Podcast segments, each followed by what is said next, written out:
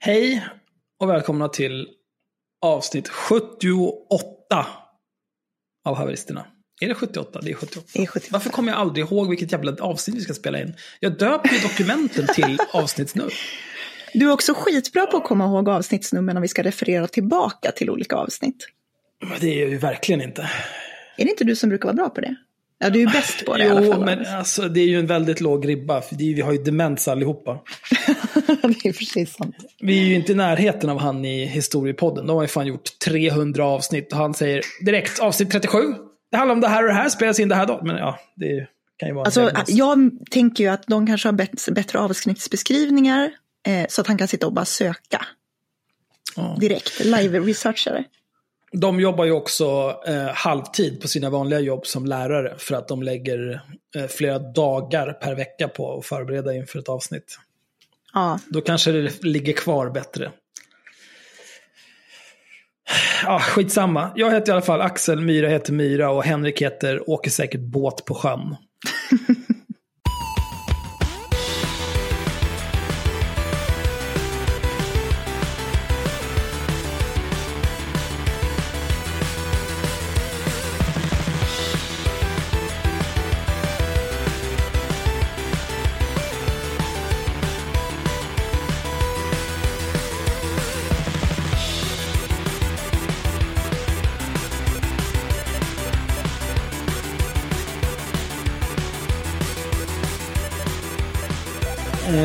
idag ska vi prata om hur, eh, hur korkade alla är. yes! Vi provar ett nytt grepp. Ja. Men innan dess, så jag har två saker jag, jag tänker göra gratis reklam för. Mm. Det första är gröna gårdar.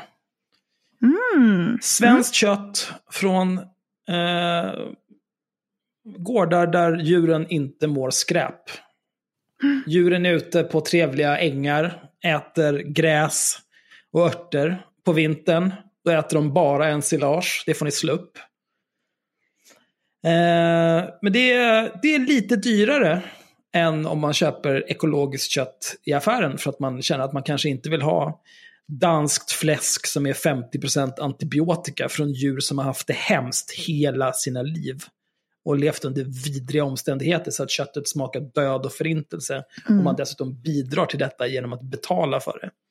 Då kan man unna sig att handla på gröna gårdar. Jag beställde tidigare i veckan.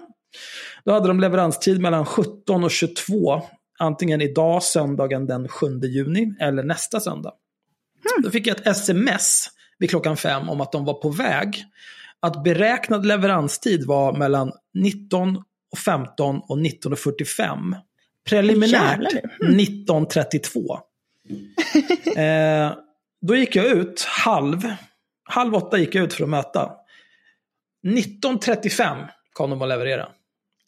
Fantastiskt. Plus att jag fick en, i sms fick jag en länk till en sida där jag kunde följa var biljäveln var någonstans. Det där är också, jag har också haft något, eh, det är någon leveransservice på någonting jag har beställt som har precis det där, typ AirMe eller något annat fjantigt. Eh, det är superbra. Speciellt om du inte planerar att vara hemma när de ska lämna grejer så behöver du liksom inte få den där jobbiga som man får med DHL och sånt. Där det så här, nu har vi, eller Postnord som säger att de har försökt Ja, att lämna saker. Jag har dem Postnord också, du för fan får höra alltså. Mm. Fan. Men just alltså det är ju ändå eh, det innevarande år. Jag, jag tänker mig, folk som levererar saker, om man arbetar med att leverera, då planerar man nog sin rutt så att den är så effektiv som möjligt, så att man hinner leverera så mycket som möjligt under de timmar man levererar. Mm. Nu innevarande år, så GPS, det är någonting vi har känt till ett tag. Vi vet hur GPS funkar. Vi vet hur internet funkar. Skicka en länkjävel till någonting där jag kan se vart den kommer. Berätta för mig med så, så, så mycket precision som möjligt när ni tänker dyka upp.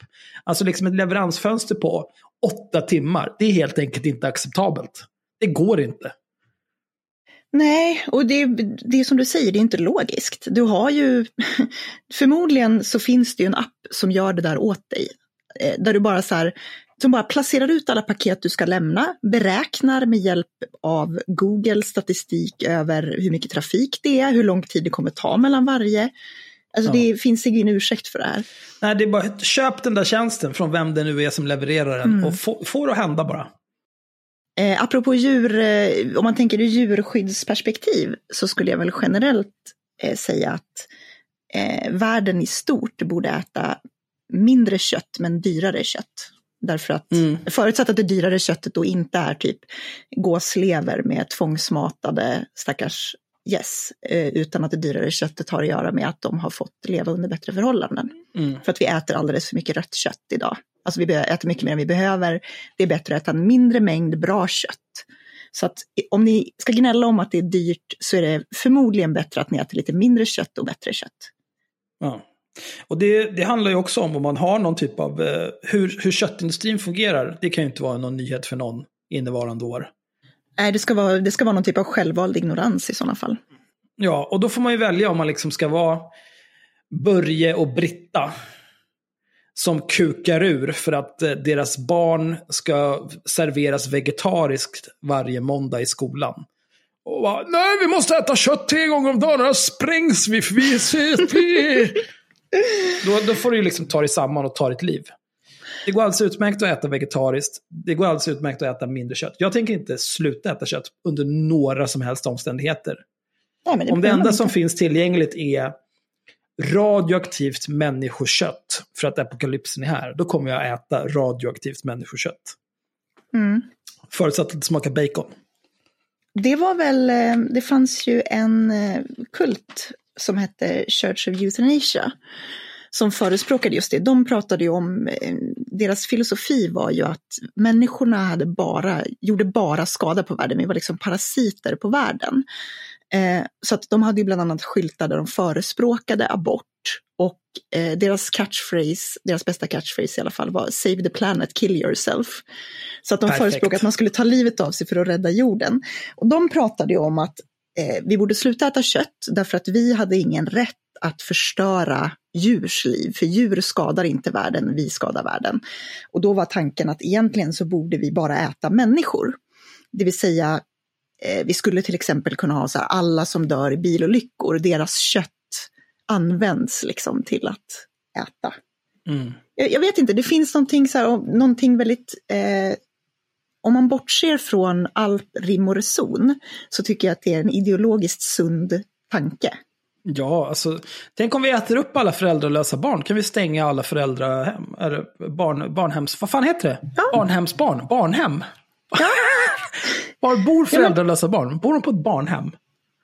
Ah, det, de bor väl i... Ja, vi har, Orphanage, vad heter det på svenska? Ja men det är barnhem. Men, men vi har, vi har, finns det sådana idag också? Eller åker folk... Nej, det är eller bara hamnar de, i, de hamnar väl i liksom olika typer av stödfamiljer och sånt där? I Sverige, I Sverige kommer ju staten, vad är det här? En jävla unge som springer runt vind för våg. Det kommer inte på fråga. Kom hit. det var ju när jag var från... Jag har ju varit i Warszawa som hallonsa mm. på Twitter så, så lägligt påpekade. Den största skillnaden jag märkte mellan Sverige och Warszawa, det var att eh, tiggarna som fanns där även hade med sig sina barn som sprang runt. Ja, det där är vidrigt. Jag vet att vi hade det också. Vi hade, eh, när jag bodde i Härnösand så var det väldigt stor kontrovers runt det där för att det var eh, en man och en kvinna, de brukade sitta utanför det lokala Hemköp och spela, alltså gatumusikanter. Det här var ju innan, innan liksom tiggar vågen, eller vad man ska kalla den. Eh, så att de som satt ute då var ju oftast gatumusikanter på olika sätt. Mm. Och eh, de hade några gånger med sig barn och folk blev ju rättmätigt upprörda för att vi har ju skolplikt i Sverige. Och det tycker jag är ganska fint. Det är sådär, även om du är här papperslös så har du, dina barn ska liksom inte lida för det utan de har faktiskt rätt att gå i skola här oavsett om föräldrarna har papper eller inte. Mm. Och det tycker jag är väldigt fint och sympatiskt drag av den svenska, eh, ett av få just nu. Ja, jag är lite arg staten. på den svenska staten. Ja. ja, vi kommer väl återkomma till det. Mm. Sen, eh, eh jag har ju beställt vår merch till mig själv. Mm. Bara för att Kristoffer Svanströmer ska klara räkningarna nästa månad också. Mm, så han slipper placera om sitt barn till barnhem? Ja, precis. Eh, och då beställde jag tre saker. Mm. Och då ska det levereras av Postnord. Mm. Eh, då ger de ett leveransfönster som är orimligt. Och sen får jag ett sms. Jag har försökt leverera men eh, det, var, det gick inte. Nej, okej. Okay. Det har de inte. Men, nej, men eh, provade du att ringa numret jag tillhandahöll? Nej. Jag var ju hemma liksom.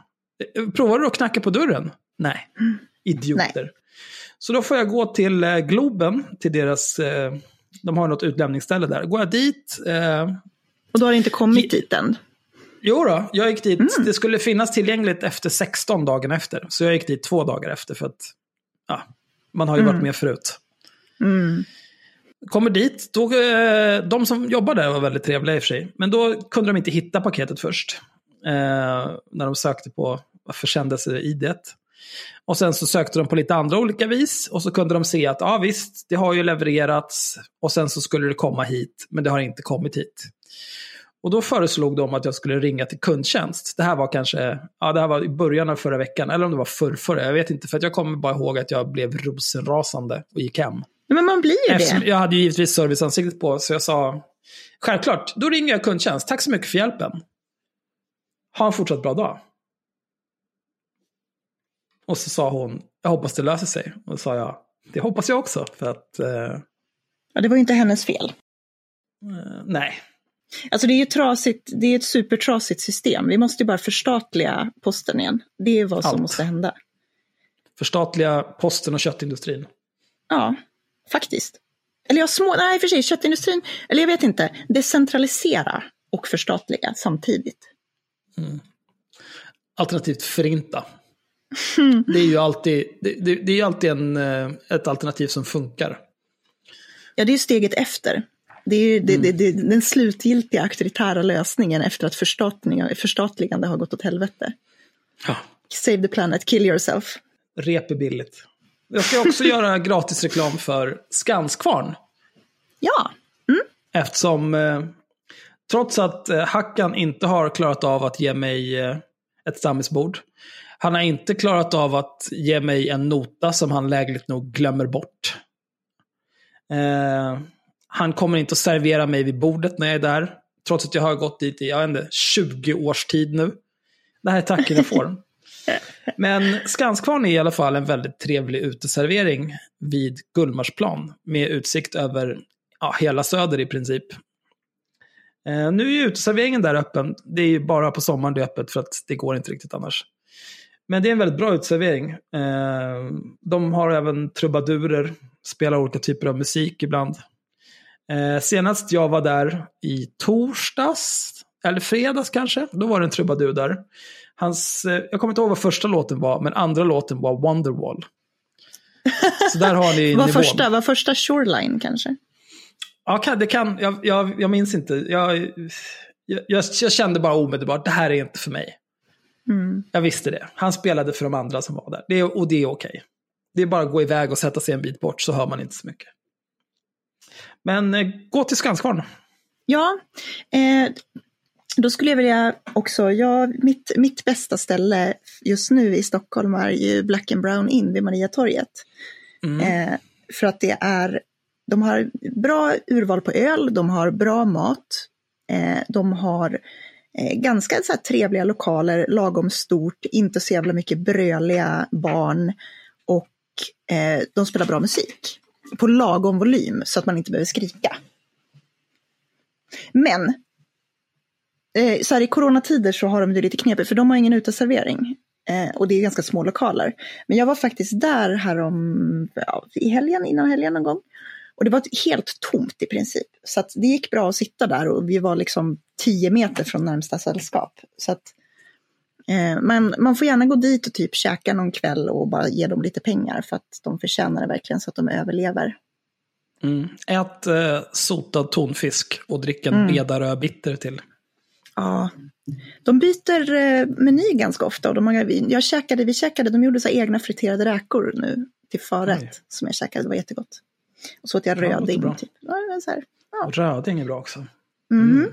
Mums. Så det är, det, är, det är ett väldigt bra tips. Eh, de är supertrevliga, han som äger det stället är supertrevlig, alla som jobbar där är supertrevliga på det där lite, eh, på det där lite, vad ska man säga, rough eh, sättet. Så där så att de inte, man känner typ att man är där lite på nåder fast de är, är glada att man är där. Ja, det är inte det är så mycket tjena maestro. Nej, det är precis. Det är inte Hej, den här gubben. proffstrevligheten, utan Nej. det är mer. Jag vet inte, han har varit mycket trevligare sen vår gemensamma vän Andreas raggade på honom när vi var där. Känns det som. Det var ju så här, typ, han kom och serverade vår mat och Andreas eh, var ju lite så här lätt dragen som han blir. Eh, och då blir han ju väldigt flörtig liksom. Så att när han eh, tackade för maten så sa han, eh, kan jag få din Instagram också? Det är mycket rimligt gjort. Så, sen tycker jag att han har varit extra trevlig faktiskt efter det. Mm. Fick han hans Instagram?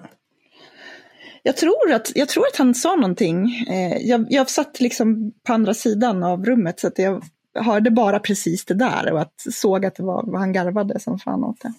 Ja, Eh, jag kollade med Andreas, så kanske vi kan lägga den instan i avsnittsbeskrivningen. absolut, absolut. det. Han gillar nog att bli kallad daddy. Prova det när ni är där.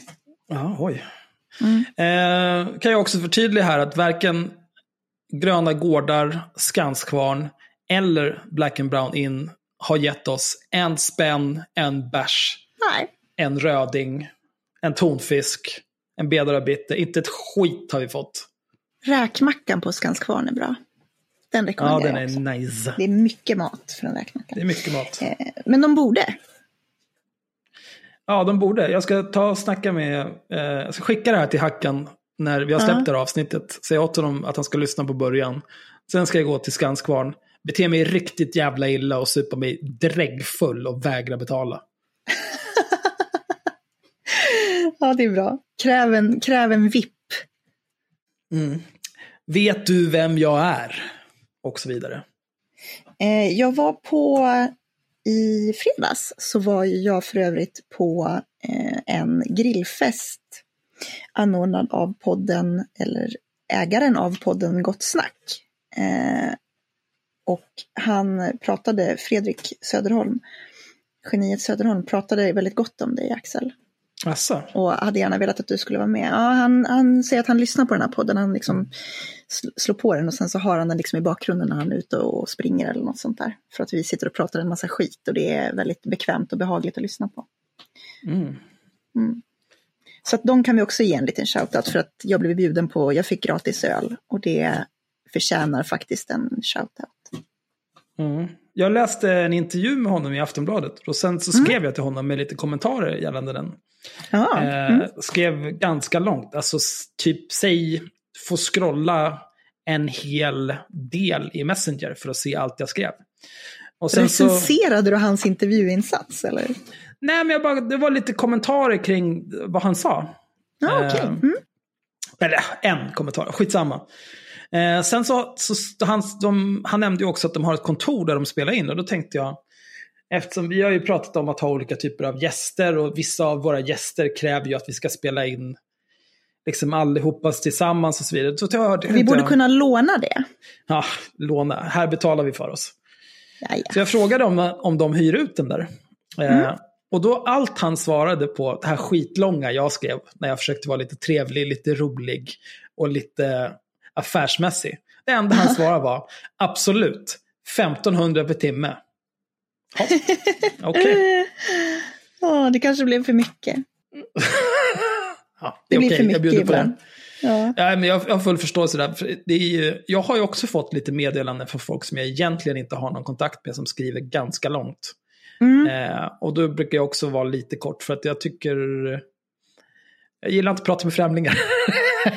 Nej, alltså framförallt så kan jag tycka så här, jag kan få väldigt långa så här, utlägg av folk som har läst någonting jag har skrivit eller hört någonting vi har sagt i podden och så ska de skriva alltså, jättelånga meddelanden med sina egna tankar runt det. Jag tycker att det är jättekul när folk läser någonting eller lyssnar på någonting jag har gjort och får massa egna tankar. Det är ju, någonstans är det ju det som är målet med det jag gör, att folk ska börja tänka själva. Men, eh, men man blir ändå så här lite, typ, jag brukar också ofta bara svara så här, tack för din åsikt. typ, eller så här, vad kul att du gillade podden, eller vad kul att du lär, gillade det jag skrev. Eh, för att det är väldigt svårt, jag kan inte typ engagera alla människor som har tankar om saker i en privat konversation, för att jag skulle, jag skulle inte ha tid med någonting annat liksom. Nej, det går inte. Eh, Men jag vill samtidigt, jag uppskattar det ju samtidigt på något plan. Jag, men jag vet inte, det känns väldigt taskigt. Jag ska nog säga att det bästa med Gott Snack är att en del av deras merch är ju, de har gjort merch med det som Martin Soneby skrev om eh, deras podd när de skulle grunda den, eller när Fredrik Söderholm grundade den här, så kommenterar han kokainskallar bör inte göra morgonradio. Consistency är nyckelordet. Och där kokainet blåser in blåser consistency ut. Han tar sig extremt mycket vatten över huvudet. Så har de printat det där och tryckt upp det på en t-shirt som en del av sin merch. Det tycker jag är mycket bra eh, grepp. Fan, det var ju väldigt hårt. Ja, väldigt. Men det går rätt bra för dem. De har väl hållit på i fyra månader eller något sånt där. Vill man ha någon typ, typ av morgonprogram som har väldigt mycket gäster och sådär, vilket ju vi inte har för vi är för lata, då kan Mm. man lyssna på Gott Snack. De är trevliga. De rullar ju Patreon-pengar också.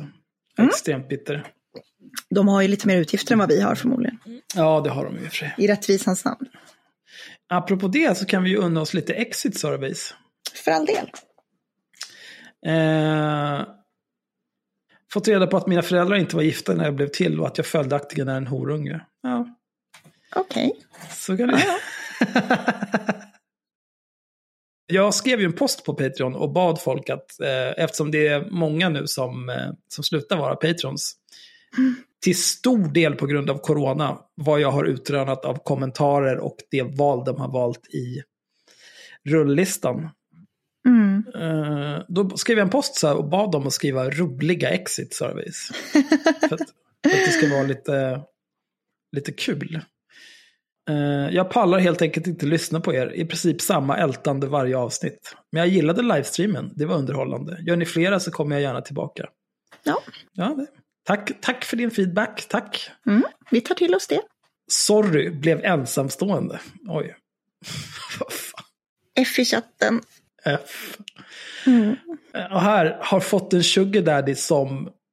Och sen inget mer. Nej.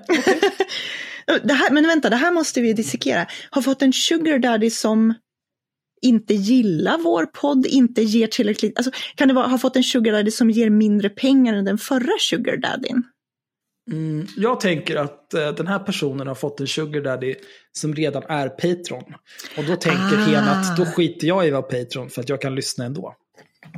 Köper det, det känns som en rimlig förklaring. Mm. Jag hoppas Här- att personen inte har fått en sämre sugar daddy. Nej, det eh, måste vara förra. bättre. Måste alltid byta upp. Mm. Mm, försöker rotera mina donationer lite. Hur mycket jag vill stödja och någonstans går, där går en gräns för hur mycket i månaden man kan lägga på podcast. Kommer säkert tillbaka igen om ett tag. Ja, rimligt. Alltså min, min gräns för hur mycket jag kan lägga på podcast i månaden går fan vid noll kronor alltså. Alltså jag, jag kan förstå det där, för jag är också en sån här som har jävligt, jag skulle ha, jag lyssnar på många poddar, men ofta så sträck, alltså jag, jag är inte så här som lyssnar varje vecka eller varje dag på en podd, utan ofta så lyssnar jag bara på en podd i ett par veckor och så lyssnar jag igenom allt de har gjort. Och sen hoppar jag till en annan podd. Mm. Så att jag skulle också kunna göra sådär, för att det känns ändå som att jag vill betala för mig. Det är lite som med spel och sådana grejer också. Att ibland kan jag känna att fan, nu har jag spelat en massa gratisspel, typ flashspel eller någonting från en utvecklare och så köper jag något av deras spel bara för att så här, ja, men jag vill ge dem en slant för deras totala arbete. Så det känns väl ganska rimligt. Mm. Jag tror det enda jag har gjort det med, det var nog första Call of Duty. Mm. Jag waresade det direkt när det kom. Det var typ tre dagar innan release. Mm. Eh, spelade igenom kampanjen tre gånger. Det är den bästa kampanj jag spelat i hela mitt liv. Mm. Köpte spelet omedelbart när det släpptes. Eh, spelade multiplayer. Tills eh, de nerfade Bunny Jump. Då var det helt meningslöst att spela. De hade, de hade fanns ett, en, en maskinpistol, PPS-son, som hade 77 kulor i magasinet. Så man kunde bara bunny-jumpa rakt in i alla och kissa kulor exakt överallt. Det känns som så här gamla liksom rocket jumps som man tittar så Ja, på det var- Tournament, Unreal Tournament och Quake 3-tiden. Det var lite den känslan. Mm. Men det, det var det ju. Fun detected. Nej, nej, nej. Alltså om, du, om, om det är problem med att bungyjumpa, att alla kan ju göra det. Det är bara att trycka på hoppknappen. Hur svårt är det? Nej, det går inte. Skitspel. Men det var väl inte, det var väl inte realistiskt? Alltså FPS, sådana historisk FPS-spelare, det är väl de som också hade någon sån här typ av, av urkukningscrescendo över, eh, vilket var det, vad fan heter det, alltså, jag spelar inte FPS, jag har inte spelat FPS på skitlänge, eh, när de hade, eh, det som DICE gör, Battlefield var det. Senare, Mm. Så senaste Battlefield när huvudpersonerna var typ en kvinna och en svart man. Och de var så här, det här är inte historically accurate, jag kan inte spela det här, de förstör historien. Eh, eh. Vilket är typ det töntigaste, för det är inte så här, det är inte en historia, alltså, det är inte en, en simulation av historien du spelar, du fattar det? Inte en dokumentär. Nej. Du får lugna här, dig. Du kan ta flera skott i kroppen och överleva. Men du kan inte vara svart, det förstör din immersion, det går inte. Eller kvinna, Ja. nej det går inte. Kvinnor kan inte skjuta vapen, det är totalt omöjligt. Nej, men det är liksom så här. Du kan bli skjuten med ett hagelgevär i magen. Då behöver du bara gå runt ett hörn och torka bort all jordgubbssylt som är över skärmen. Och sen är allting bra igen. Folk alltså. Vi ska prata om Gamergate någon gång, det kan vara en intressant diskussion. Oh, Ethics no. in game journalism. Mm. Det handlar faktiskt om det. Jag, tror bara att jag försöker förhala och prata om Black Lives Matter och hur dumma alla har varit, för att jag är så less. Nej. Ja. Ska jag börja med det så, så, så behöver du bara flyta Haka med. på när jag blivit arg. Ja. Jag, Ja. jag vill i och för sig börja, jag har en liten som jag precis fick upp eh, på Instagram. Go. som är lite så här glädjande. För att det har varit så himla mycket dumheter runt det här. Eh, och, och mycket tragiskt och mycket annat. Eh, idioter från alla sidor och håll. Och det är ju alltid jättedeppigt. Eh, så att jag hittade, när jag hittar liksom vissa saker som faktiskt gör att jag känner så här, fan världen är inte så pissig ändå. Så gör det mig lite glad. Så jag tänker att vi kan inleda med en bild som en vän till mig delade.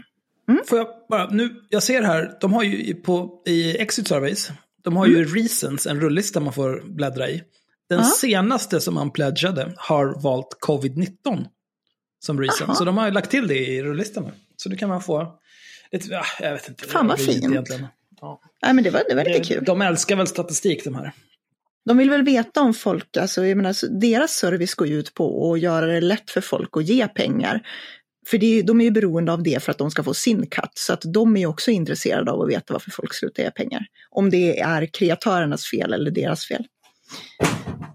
Oj, Ja, det var någon sorts råtta som välte något. ja det är bra. Ehm, nej men en vän till mig la upp en bild där det är en kvinna som står, hon har på sig en Black Lives Matter-tröja, ett munskydd och så håller hon en skylt där det står eh, citat I do uh, kaninöron fuck the police and I'm angry too. Och så har hon hashtag cop wives for black lives och hashtag justice for George Floyd.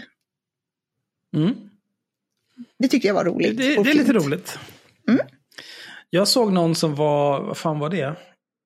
Det var någon som gjorde någonting eh, lustigt över Karen-memen. Ja, I'd like to speak to the manager of systemic racism, please. det bästa i mitt liv, jag hittade någon, eh, jag hittade någon Facebookgrupp där jag under säkert en, så här 40 minuters tid funderade på hur mycket av det, det var väldigt mycket pose-law, du vet, pose-law är ju för våra lyssnare, ehm, att på internet kan det vara väldigt svårt att särskilja sarkasm från faktisk idioti. Ungefär. Mm. Så det är svårt att veta om någon driver med idioter eller om de är idioter. Och då hittade jag en grupp som handlade om just det här, Karen is a slur. Där det var inne en massa människor som hette Karen och beklagade sig över hur, eh, hur de hade blivit, liksom, varför ska inte vita, vita medelklasskvinnor, det här är sexism, eh, det här är rasism mot vita och så vidare. Eh, och det finns ju människor som tycker det på riktigt. Så att den här diskussionsgruppen blev väldigt mycket sådär att en del trollade ju uppenbart, andra var det lite så här, tror du att du har medhåll här fast du blir trollad? Eller är det jag som blir trollad när jag tror att du är på riktigt? Mm. Eh, det var extremt roligt. När man liksom bara är i en trolleritombola och man vet inte vad som är vad. Nej, och det är lite fantastiskt. Det är lite som att vara i en konstig syratripp liksom. Du vet inte längre vad som är, eh, vad som är verklighet och vad som är eh, påhitt. Eh, men ja, jag ville inleda med, med I do fuck the police and I'm angry too. Eh, för att det tyckte jag var väldigt kul. Ja, det, det, det är faktiskt bra sagt. Mm. Eh, jag tänkte börja med inte så mycket Black Lives Matter för att jag är djupt ointresserad av det. Mm. Eh, däremot så vill jag prata om att folk är för jävla pantade. Eh, och allting grundar sig i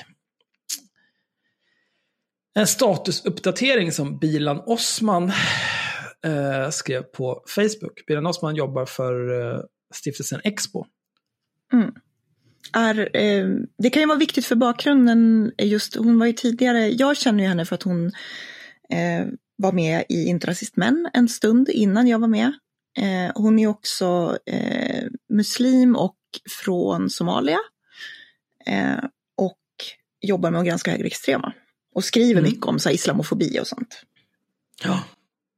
Eh, en eh, antirasistisk aktivist sedan länge kan man väl säga. Mm. Eh, och eh, då skrev hon så här på Facebook. George Floyd dog och jag kände 1. Han ropade efter sin mamma, som min son gjorde för första gången för inte så länge sedan. Det här kan jag tycka, just den punkten är lite... Mm, du, du, du är inte en Disney-film, lugna ner dig. Det kommer inga tårar här. 2. Han ropade efter existens, det han bör ha fått innan ett knä kvävde hans nacke och hans existens blev mer än en symbol. Mm, ja, jag tycker inte att det betyder jättemycket. Det där. Tre. Jag vet inget om vad Floyd kände. Inte heller orkar jag politisera hans död, även om omständigheterna tvingar mig till det.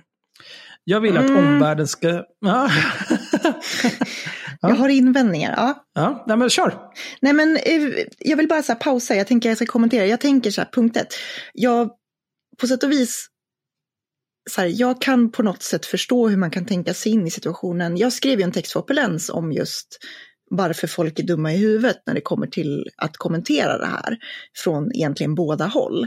Men framförallt för att det finns en helt annan situation i USA. Och jag kan ändå på något sätt förstå att hon som, som mamma, eh, som svart och nyss, nyss har fått, fått en son, kan på något sätt... Och muslim. Ja, men framförallt svart i det här fallet eftersom det är liksom... Eh, men någonting jag tänkte på jävligt mycket, för jag satt och läste en massa statistik om det där och kom fram till att det finns eh, en, en eh, undersökning som bland annat Washington Post har skrivit om, där man kommer fram till att en av tusen svarta män kommer att dödas av polis. Mm. Och så satt jag och tänkte på det.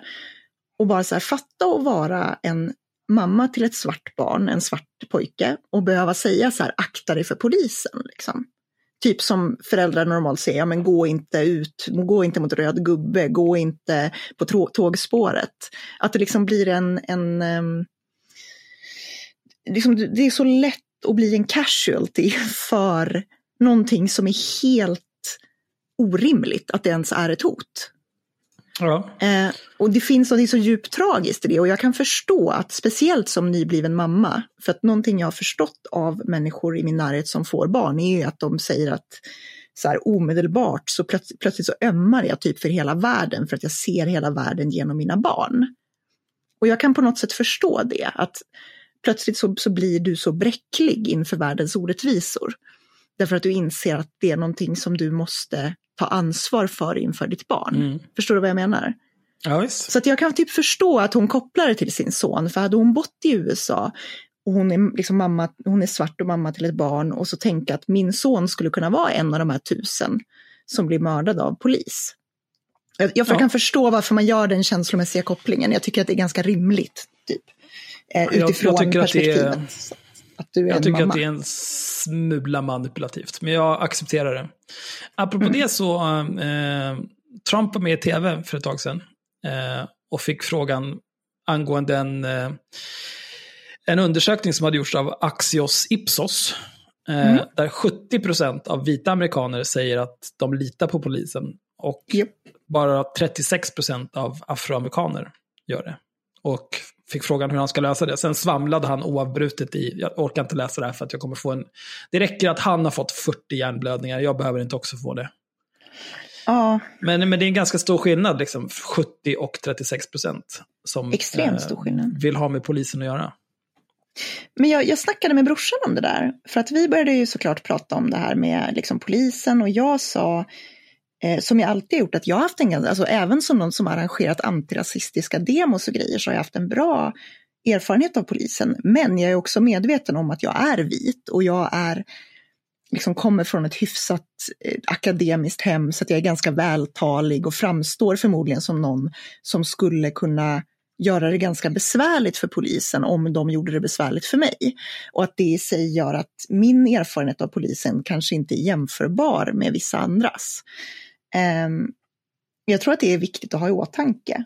Eh, I min inopulenstext om det här så skrev jag ju om att på 60-talet, alltså i USA, på tiden när du fortfarande hade apartheidlagar, liksom, du var under apartheid, så sa eh, över 50 procent av vita amerikaner att svarta hade exakt samma förutsättningar som vita att klara sig i samhället. Liksom.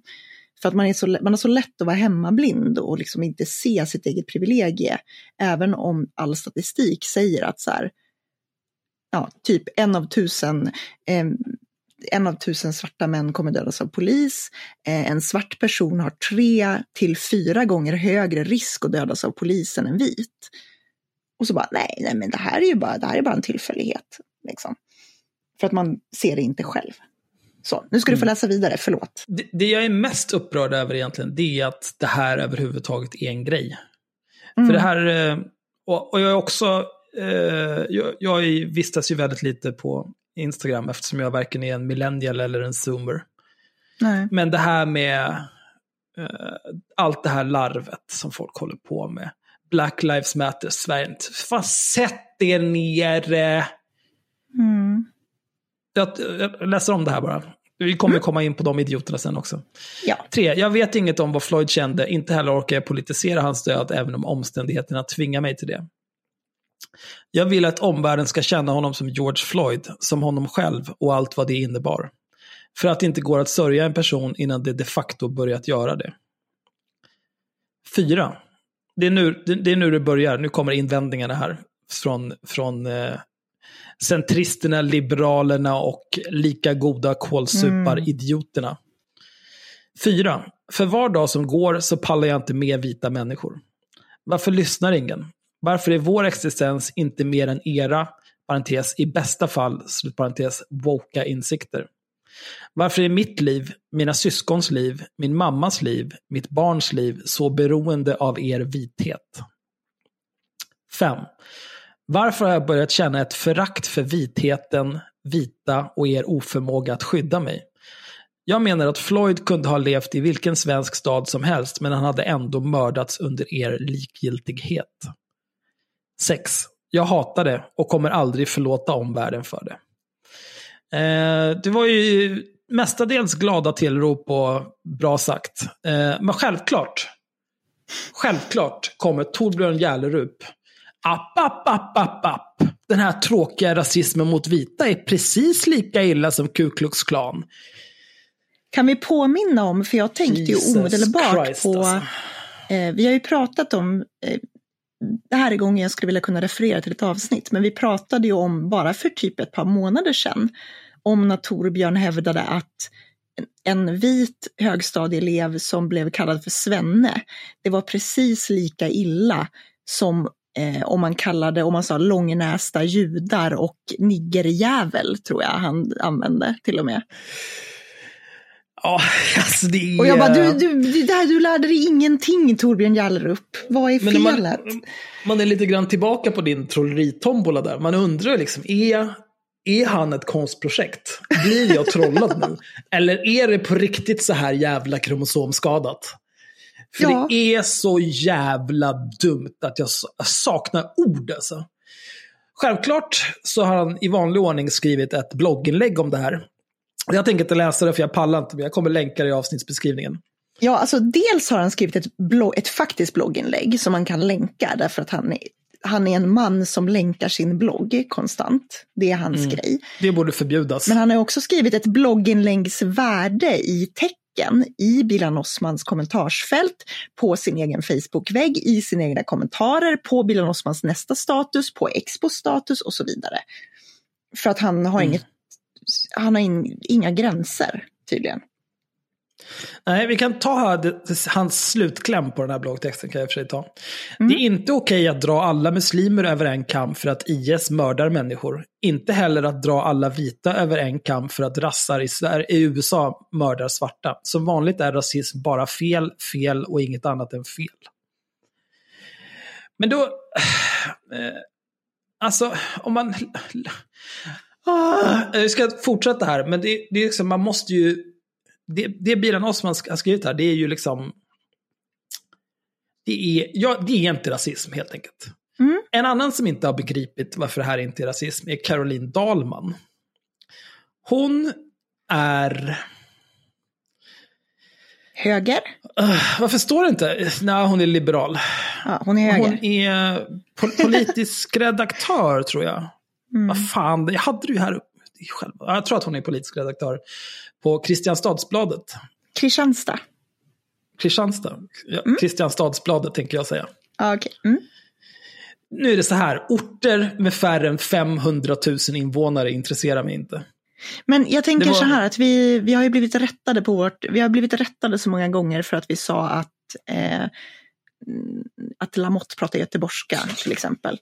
Så att jag tänker att nu, nu vi, vi helgarderar oss här, vi säger Ah, Kristianstad. Okej, okej. Ja men då visst, hon är politisk redaktör på Kristianstadsbladet.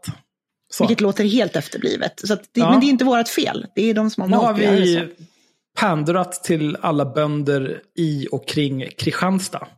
Och därför störde du det. Tack. Men de är inte ens stockholmare, fan bryr sig vad de tycker. Ah. Caroline Dahlman. Rasism mot vita är lika illa som rasism mot svarta. Och absolut, absolut, det håller jag med om. Ja, Rasism mot vita är lika illa som rasism mot svarta. Det är helt okontroversiellt att säga det. Men, Mhm. vad är proportionerna här? Nej, proportionen finns inte. Du måste förstå att Ja, all ideologi existerar i ett vakuum, Axel.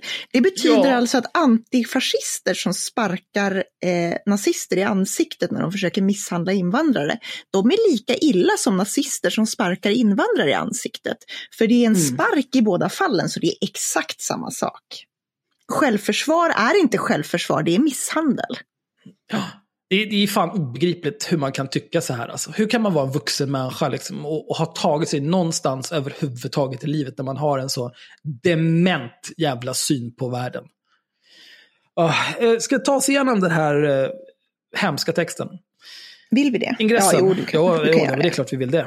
Det är väldigt obehagligt när vissa vänder sig mot vita människor som en slags hämnd. Rasismen är ju precis lika ful oavsett vilken grupp som drabbas. Vadå hämnd? Hur, hur är det en hämnd? Jag är redan rasande. Alltså det här sa jag till Torbjörn också. Eh, att det hade varit skillnad. Jag försökte förklara det här för honom för att jag var mot min, mitt bättre vetande pedagogisk och försökte förklara att så här, hade, eh, du kan inte jämföra det. Du kan inte säga att Bilan Osman är som en SD som skriver om muslimer. Därför att om du säger till exempel muslimer ska skjutas och skickas ur landet. Bilan Osman sa inte att vita ska skjutas och skickas ur landet. Hon sa att hon hatade att de inte brydde sig om våld mot henne och andra svarta. Ja, vi kan ta de, de här två punkterna igen och gå igenom Mm. exakt vad det är som sägs här. För det verkar ju vara, det finns i alla fall två personer som har missuppfattat det. Plus flera som har svarat dem i olika kommentarsfält. För var dag som går så pallar jag inte med vita människor. Mm. Det, jag, jag tycker inte att det är något konstigt. Jag pallar inte heller med vita människor ibland. Nej, alltså, inget men jag, konstigt. jag, pallar, jag pallar inte med olika grupper av människor på en daglig basis.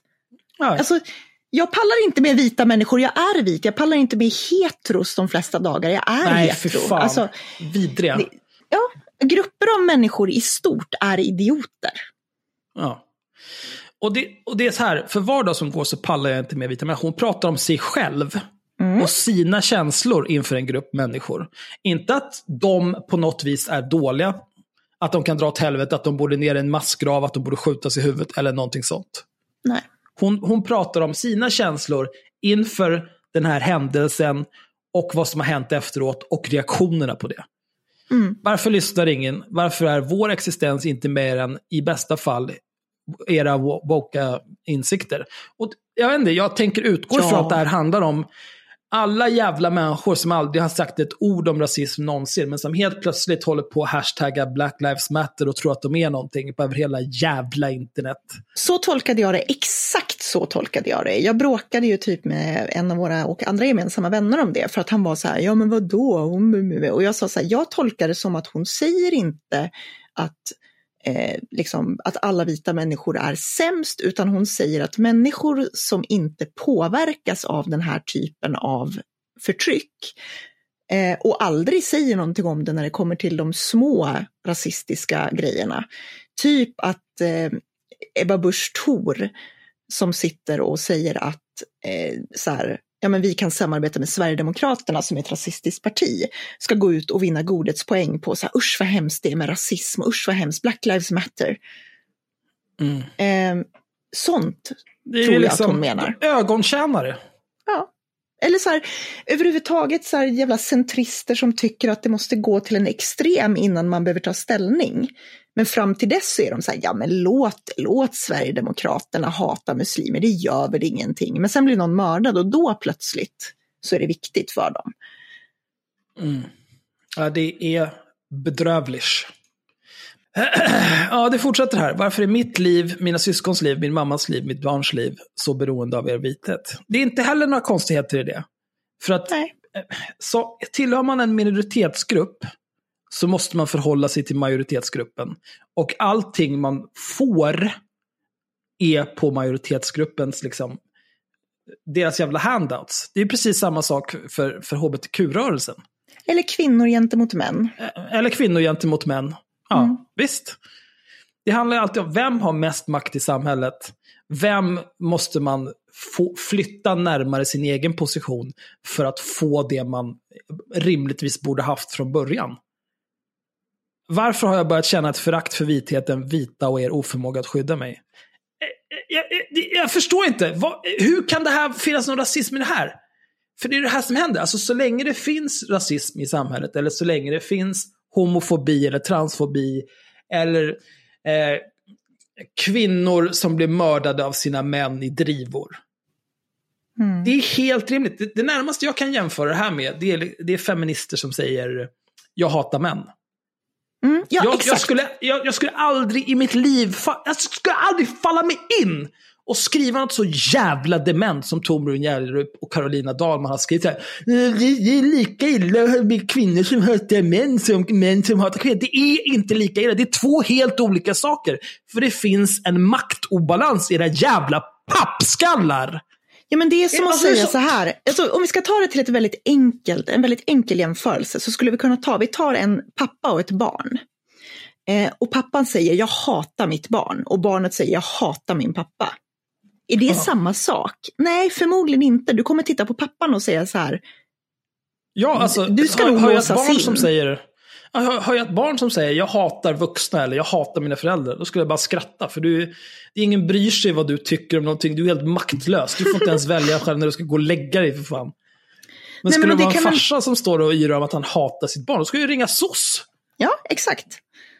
Det är precis det jag menar, det finns en maktobalans. Det är så här, om ett barn hatar sina föräldrar, det kan ju också vara så här retorik, alltså det kan ju vara överdriven retorik. Typ, jag hatar mina föräldrar för att jag inte fick eh, den senaste transformern i present. Mm. Eh, ja. Men om vi säger att, om vi säger att det är ett, ett grundat hat, så personen säger jag hatar min pappa för att han brukar slå mig och föräldern säger, oavsett anledning att föräldern säger att han hatar sitt barn så är det ju oroande.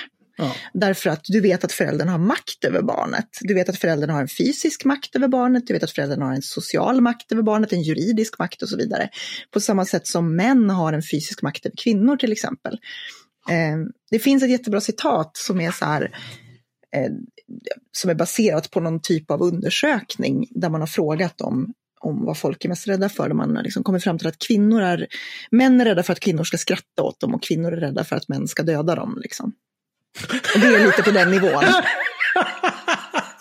Nej, men det är så, skulle du fråga de flesta män, vad, vad, är du mest rädd för när det kommer till kvinnor? Så kommer de att säga ja, men att de ska säga att min kuk är liten och skratta åt den eller någonting. Skulle ju förmodligen, mm. nu, nu killgissar jag, men det är min bästa gissning. Ja, är skulle du fråga kvinnor vad de är rädda för med män, så skulle de säga ja, men att de ska typ döda mig, stycka mig och misshandla, typ hota och döda min familj.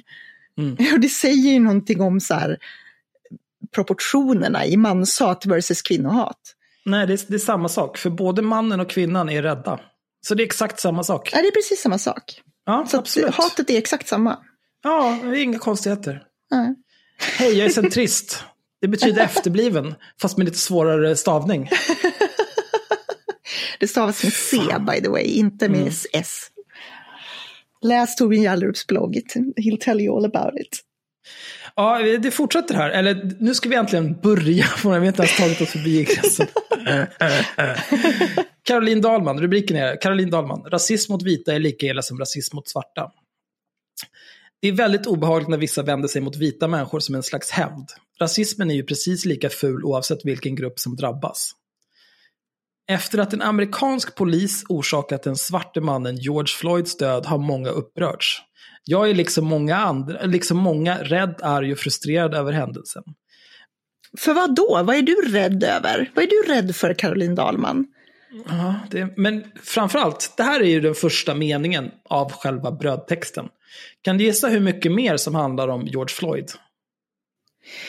En rad max. Inte ett skit. Nej, såklart. Det handlar om Caroline Dahlman och andra vita och hur synd det är om dem, eller hur? Och, na, och Bilan Osman som är rasist. Ja, just det. Ja, för att roa mig själv eh, så gjorde jag en helt ovetenskaplig eh, liten sökning. Mm. Eh, jag, jag använde Twitter Advanced Search. Och så sökte jag på George or Floyd. Från Caroline Dahlman på Twitter. Då hittade jag ett från 2015. Greek Debt Crisis. George Osborne wants no British money used for bailout. Mm. Och jag har också provat att googla från en inkognito-flik för att mitt eh, sökbias inte ska spela någon roll. Jag hittar ingenting som inte, har med, som inte går att knyta till Bilan Osman från Caroline Dahlman gällande att George Floyd blev mördad av en polis i USA. Gud vad konstigt. Vad förvånad jag blir. Det är otroligt. Mm. Jag tycker det där ofta är talande. Så här, jag kan sympatisera om jag ska, ge, om jag ska liksom ge ett perspektiv från någon som försöker skriva texter, typ jag skulle skriva en text nu eh, strax efter det här hade hänt till Opulens som jag hade liksom en deadline för. Och jag hade sagt så här, jag ska inte skriva någonting om det här för det känns som att det finns andra som har skrivit bättre saker om det. Och jag vill inte komma och upprepa sånt som alla redan har sagt. Så det kan jag sympatisera med. Mm. Men, men man skriver någonting. Alltså det är så här, du kan inte komma och lyfta ett perspektiv när du aldrig har lyft det andra och tro att människor inte ska förutsätta att, jaha, så du tycker att det här andra perspektivet har inget värde, för du har aldrig kommenterat det. Nej. Jag kan ju helgardera det här med att säga att jag gjorde de här sökningarna extremt snabbt. Jag la inte särskilt mycket tid på det. Men det känns som att om man googlar på någonting, då borde man få upp någonting. Men hon kanske har skrivit, eh, jag vet inte, 40 texter om George Floyd, hur hemskt det var. Vem vet? De kanske dyker upp här i ett argt mail eller någonting. Gärna. Jag skulle bli glad om vi blev motbevisade. Jag har faktiskt mejlat lite med henne också, men det kommer vi till sen. Mm. Eh, men att som en slags hämnd vända sig mot vita är extremt osunt. Vända sig eh, mot... Det är... Hon vände sig inte mot... Hon, hon pratade om hur hon kände inför det här. Inför sin verklighet. Alltså så jävla sjuk och självupptagna människor alltså. Mm. Uh, häromdagen skrev debattören och Expo-medarbetaren Bilen Osman på Facebook, apropå Floyds död. För var dag som går så pallar jag inte med vita människor. Osman hade börjat, hade börjat känna ett förakt för vitheten. Dessutom skrev hon svepande om vår existens och era insikter. Som om alla individer med en viss färg på huden tyckte lika och hörde ihop i kampen mot, mot de andra. Det är inte vad hon skrev. Det är verkligen, alltså om jag, ska vara, om jag ska vara extremt välvillig här, ja, Bilan Osman gör en polarisering därför att det hon säger är att hon blir irriterad på att vita oftast som grupp oftast inte har sympati för svartas problem. Ja. Men det är fortfarande inte att starta krig mot dem, utan det är att säga så här, om vi tar föräldrar och barn-grejen igen, så är det liksom, det, det är jämförbart med att ett barn säger, varför lyssnar du inte på vad jag vill? Nu, nu kommer någon höra av sig och kalla dig rasist för att du infantiliserar svarta människor. Ja, men... Och jag kommer hålla med dem. Ja, jag håller, och jag håller också med. Men jag kommer inte på en, alltså, jag, jag, har försökt, äh? alltså, jag har försökt föra nyanserad debatt om det här så mycket senaste veckan. Nej, och folk är så inte. jävla dumma, så nu känner jag så här, nu tar jag till den dummaste, enklaste jävla metaforen Nej, jag kan. Men det är ju en helt rimlig metafor, för att den handlar ju inte om den handlar ju om att det existerar en maktobalans. Den handlar inte om att någon är fem år gammal och någon är minsann vuxen. Nej. Den handlar om maktobalans. Och är man så jävla pantad att man inte fattar den liknelsen, då finns det billiga rep att köpa på Jula. Folk fattar inte dum, alltså folk fattar inte liknelser överhuvudtaget har jag märkt. Det har att göra med, det är ju ett, ett sidospår, men det är ju när jag diskuterar typ sexköpsfrågan och så pratar, har jag pratat om så här att det finns en transaktionskultur eh, i generellt när det kommer till kvinnlig sexualitet. Typ att, ja men om han bjuder mig på middag så förväntas jag ligga med honom, vilket också är en transaktion. Där kvinnan sex, alltså att kvinnan ger sex i utbyte mot någonting annat. Och när jag har pratat om det så har folk på riktigt varit så här, jaha, så du säger att det är samma sak som att köpa sex av en traffickad flicka i en lägenhetsbordell? Och man bara, nej. Oh. Det är en jämförelse för att visa på ett mönster. No. Uh. Nej. Ja, mm. Så vi kommer säkert ja, få den jag, typen jag, av kommentarer. För, jag har för mig att jag såg någon dum jävel som hade skrivit Eh, uh, hon nämnde inte dig vid namn, men hon pratade om att du hade kallat alla kvinnor för horor. Ja, men jag gjorde det. Eller nej, jag gjorde inte det. Jag sa så här att jag tyckte att det var konstigt att, eh, för hela min text på, det var Expressen, så handlade den om, så jag tyckte det var så konstigt att typ många kvinnor som skrev om Paolo Robertos sexköp eh, kunde liksom inte prata om det här övergreppet utan att säga, att beskriva den här kvinnan som att hon var en Disneyprinsessa som hade blivit kidnappad och traffickad och tvingad in i att sälja sex. För att det var typ enda sättet de kunde relatera till historien om sexköp. Och jag tyckte det var konstigt att man inte kunde tänka sig att så här, det, det, är ett övergrepp även om hon skulle ha valt att sälja sex. Det är ett övergrepp därför att Paolo Roberto säger att jag tror inte att hon ville vara där, då blir det ett övergrepp. Eh, och det spelar ingen roll vem hon är eller eh, om hon är ett perfekt offer. Så det jag försökte säga var ju typ att eh, eller det jag skrev var så här, jag tycker det är konstigt att kvinnor måste reducera henne till en Disneyprinsessa som har blivit kidnappad och så vidare för att kunna beskriva henne. Därför att alla kvinnor har någon gång behandlats som en hora. Det vill säga, och så tog jag några exempel, typ att ja, men de flesta kvinnor har någon gång kände sig tvingade till att ha sex på grund av någonting utomstående faktor. Eller mm. att de har blivit behandlade, de har, de har utsatts för att vara en, en, ett booty call klockan tre, liksom, vilket också är ja, ett sätt att reducera dig till så här, du kan ge mig en sexuell tjänst som jag vill ha. Och min poäng var lite grann att så här, kan inte ni typ sätta er in i hur det är att sälja sex när ni har blivit behandlade som horor? Men folk fattar inte det där och jag blir vansinnig. Men det är ett sidospår eh, och en annan diskussion. men, men alltså jag tycker på riktigt att det är frustrerande eh, att folk är så jävla jag ska inte säga autistiska, men... Eh... Ja, du, du, om du tycker att det där är frustrerande, vänta tills du får höra nästa stycke här. Mm, mm. Det var otäck läsning. Vad då pallar inte med vita? Vad menas med förakt mot vitheten? Vi och dem. Här, lyssna på det här. Rasismen i hennes uttalanden var rå och oförställd. Vadå rå? Jesus. Nej, men du vet.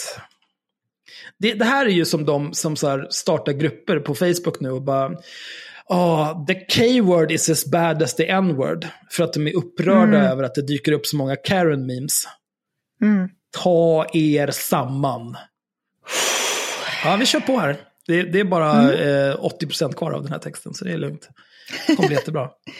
Eh, ändå försvarade flera av hennes Facebook-vänner henne när hon kritiserades av debattören Torbjörn Järlerup. En skrev Sluta vräka ur dig rasismanklagelser på alla som ser strukturer, privilegier och maktordningar som viktigt i att förstå rasismens mekanismer. Ja. Men Osman hade faktiskt... Åh, oh, gud. Men Osman hade faktiskt inte skrivit om strukturer eller nämnt generella maktordningar. Är du retarderad? Mm. För var dag som går så pallar jag inte med vita människor. Varför lyssnar ingen? Varför är vår existens inte mer än i bästa fall woka insikter? Varför är mitt liv, mina syskons liv, min mammas liv, mitt barns liv så beroende av er vithet? Varför har jag börjat känna ett förakt för vitheten, vita och er oförmåga att skydda mig? Vad är det här om inte att prata om strukturella problem? Idiot. Jag, jag vet inte ens vad jag ska säga, det här är så korkat. Ja, nej, vi kör på. Eh, tillbaka nu till Caroline Dahlman då. Hennes förakt mot vitheten slog brett utan minsta spår av analys. Alla vita fick sig en smocka. Tjoff! En kul ljudeffekt i och för sig. Mm. Det går alldeles utmärkt att uppmärksamma strukturer och ändå förstå att grupper alltid består av enskilda individer samt att de var, samt att de var och en är olika oskyldiga. Ingen människa förtjänar att hackas på bara för att andra personer med samma hudfärg har agerat på ett felaktigt sätt. Det finns ingen kollektiv skuld och att tala om detta leder bara till onödiga konflikter och destruktiv Men polarisering. snälla, Det finns i mina det ögon var precis ingen... det här. Förlåt. Mm. Det var precis där jag bråkade med Hjällerup om. Det jag var så här, det här töntiga jävla centristpåståendet att så här, alla är individer och man bara okej, hur tänkte du typ lösa samhällsproblem utan att dela upp människor i grupper? Hur tänker du? Så här, vi kan inte göra statistik som ligger till grund för politiska beslut utan att dela upp folk i grupper. Det är omöjligt. Vi kan inte gå in och säga så här, ah, oj, här ser vi att 90 procent av människor som växer upp med typ föräldrar som går på soc-bidrag blir kriminella. Men, men det går inte Mm. att titta på det, för de är individer, så vi kan inte lösa det här. Det här är bara individuella val. Det här har ingenting med mönster i samhället att göra. Det är så efterblivet. Det är också det är så jävla shit i det här. Ja, Bara, "Oj, det finns ingen kollektiv skuld. Bli, bli.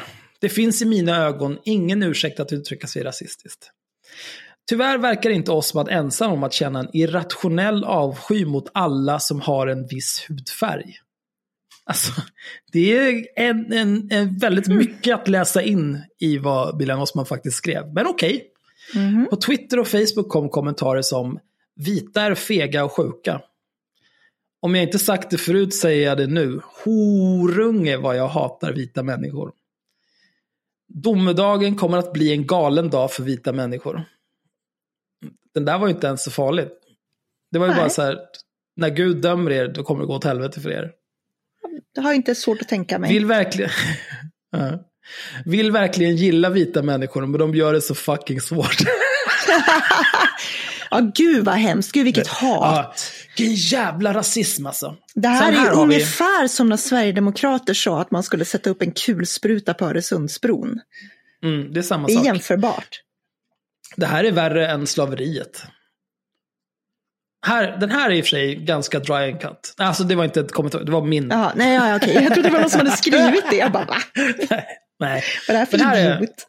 Ja. Hatar vita människor. Den kan jag hålla med om. Det, that's, uh, Mm, that's där börjar vi närma oss någonting Ja. som skulle kunna vara rasism, ja. Ja. Vi måste sluta dumförklara vita människor. De vet vad de gör. Eh. Men det här är ju också allting med den här hatar vita människor. Allting handlar ju om hur man definierar rasism. Om man som, som Torbjörn Järlerup och eh, Caroline Dahlman har en simplistisk syn på vad rasism är. Som till exempel, jag, jag har börjat känna ett förakt inför vita människor. Men rasist, rasist! Du och Hitler, ni är likadana. Ni är likadana. Ja. Eller man kanske har en lite djupare analys och förstår att om, om du liksom inte kan påverka någon negativt på grund av den åsikt du uttrycker, då liksom, spelar det för roll. Du kan ju gå runt och tycka vad fan du vill, det är skitsamma. Precis, man kan ju säga att det finns Alltså man kan säga att det finns två definitioner av rasism. Den ena är ju den, om man ska säga den, den bokstavstrogna definitionen som är, eh, alltså inte ens det, eh, men liksom rasism där du säger att ja, det har att göra med att du säger att en viss quote unquote ras av människor är mindre värd än andra. Eh, Mm. Det finns människoraser, Ja, de olika människoraserna har olika egenskaper, vissa är bättre än andra. Ja, ja. visst. Eh, Men sen har du ju den liksom mer nutida definitionen av rasism som dels innefattar att du har kulturrasism till exempel, som innefattar att du kanske säger eh, ja men så här, bruna människor som har vuxit upp i, i Sverige är okej för de kommer från en svensk kultur, alla Sverigedemokraterna. Eh, Mm. Men bruna människor som har vuxit upp i ett muslimskt land i Mellanöstern, de kommer aldrig att bli lika, de kommer aldrig kunna leva i ett civiliserat samhälle. Det är en typ av kulturrasism där man inte utgår ifrån hudfärg utan snarare kultur. Åh jävlar! Ballar råttorna ur. Det är någon sorts rasistiskt krig här mellan de bruna och de vita råttorna. Eh, Jag röstar ja, på de eh, bruna. ja, nej, Jag jag, ringer hatar Caroline vita Dahlman. råttor. Eh, men också det du pratar om är ju så här att, att eh, vissa definierar ju rasism som eh, dels den gamla definitionen med att du lägger in en maktdimension i det. Att för att det ska vara rasism så måste du ha ett maktövertag, alltså att du kan bara sparka nedåt, annars är det inte rasism. Jag håller inte alltid med om det. Jag kan hålla med, alltså jag kan ju säga att absolut, på papper är ju Bilan Osman rasistisk när hon säger vita är si och så, precis som en sverigedemokrat är rasistisk de säger muslimer eller svarta är si och så. Men som du säger också är ju frågan, är det värt att bry sig om, om det inte kan skada någon? Jag skulle säga nej, inte direkt. Men eh, eh, Caroline Dahlman kommer faktiskt in på varför Bilan, Osman, eh, Bi- Bilan Osmans åsikter skulle kunna vara, eller implied åsikter skulle kunna vara ett problem eftersom hon har en viss makt. Mm. Men vi kommer till det strax. Eh, jag beskyller inte Osman för dessa ord, men de säger något viktigt. Om detta är citat jag fångar på bara några dagar finns stor risk att fler tycker likadant. Detta bör hanteras i skolan av föräldrar och vuxna i olika sammanhang. Och då undrar man ju också så här, okej, du hittade sex citat här på Twitter och Facebook på ett par dagar. Men ta och ge dig in bland liksom Sverigesarna på Facebook eller Twitter. Spendera en timme. Se hur mycket du hittar då. Och sen, sen kan vi ta och kolla hur många texter du har skrivit på det temat. Precis. Ska vi påminna om, jag gjorde ju typ en status bara för ett par veckor sedan där jag råkade, för jag är ju med i en massa sådana Sverigesgrupper. Um, jag är också med i en del av de här typ postkolonialt perspektiv och sånt där det är väldigt mycket så här vita si och så. Och jag kan ju säga att jag har inte sett någonting ens i närheten av vad man ser i de här Sverigesgrupperna. Eh, det jag la upp var ju det här med någon Eh, Då skulle de göra en muslimsk del av en kyrkogård därför att muslimer vill bli begravda liksom på en specifik muslimsk plats och sådär. Inte Alltså, bland det- en massa fucking white people.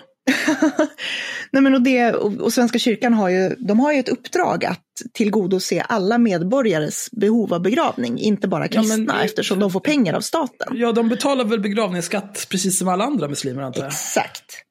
Eh, och det folk satt och sa där, alltså där det var så här, ja vi kan mala ner dem eller vi kan, jag ska ta dit min hund för att pissa på gravarna. Alltså det var så här, det är så mycket äckligare än att en person på Twitter säger jag hatar vita. Nej, det är samma sak. eller hur? Att Samma man vill sak. pissa på och mala ner folks döda släktingar. Ja. Det är exakt samma sak som att någon random på Twitter säger jag hatar vita.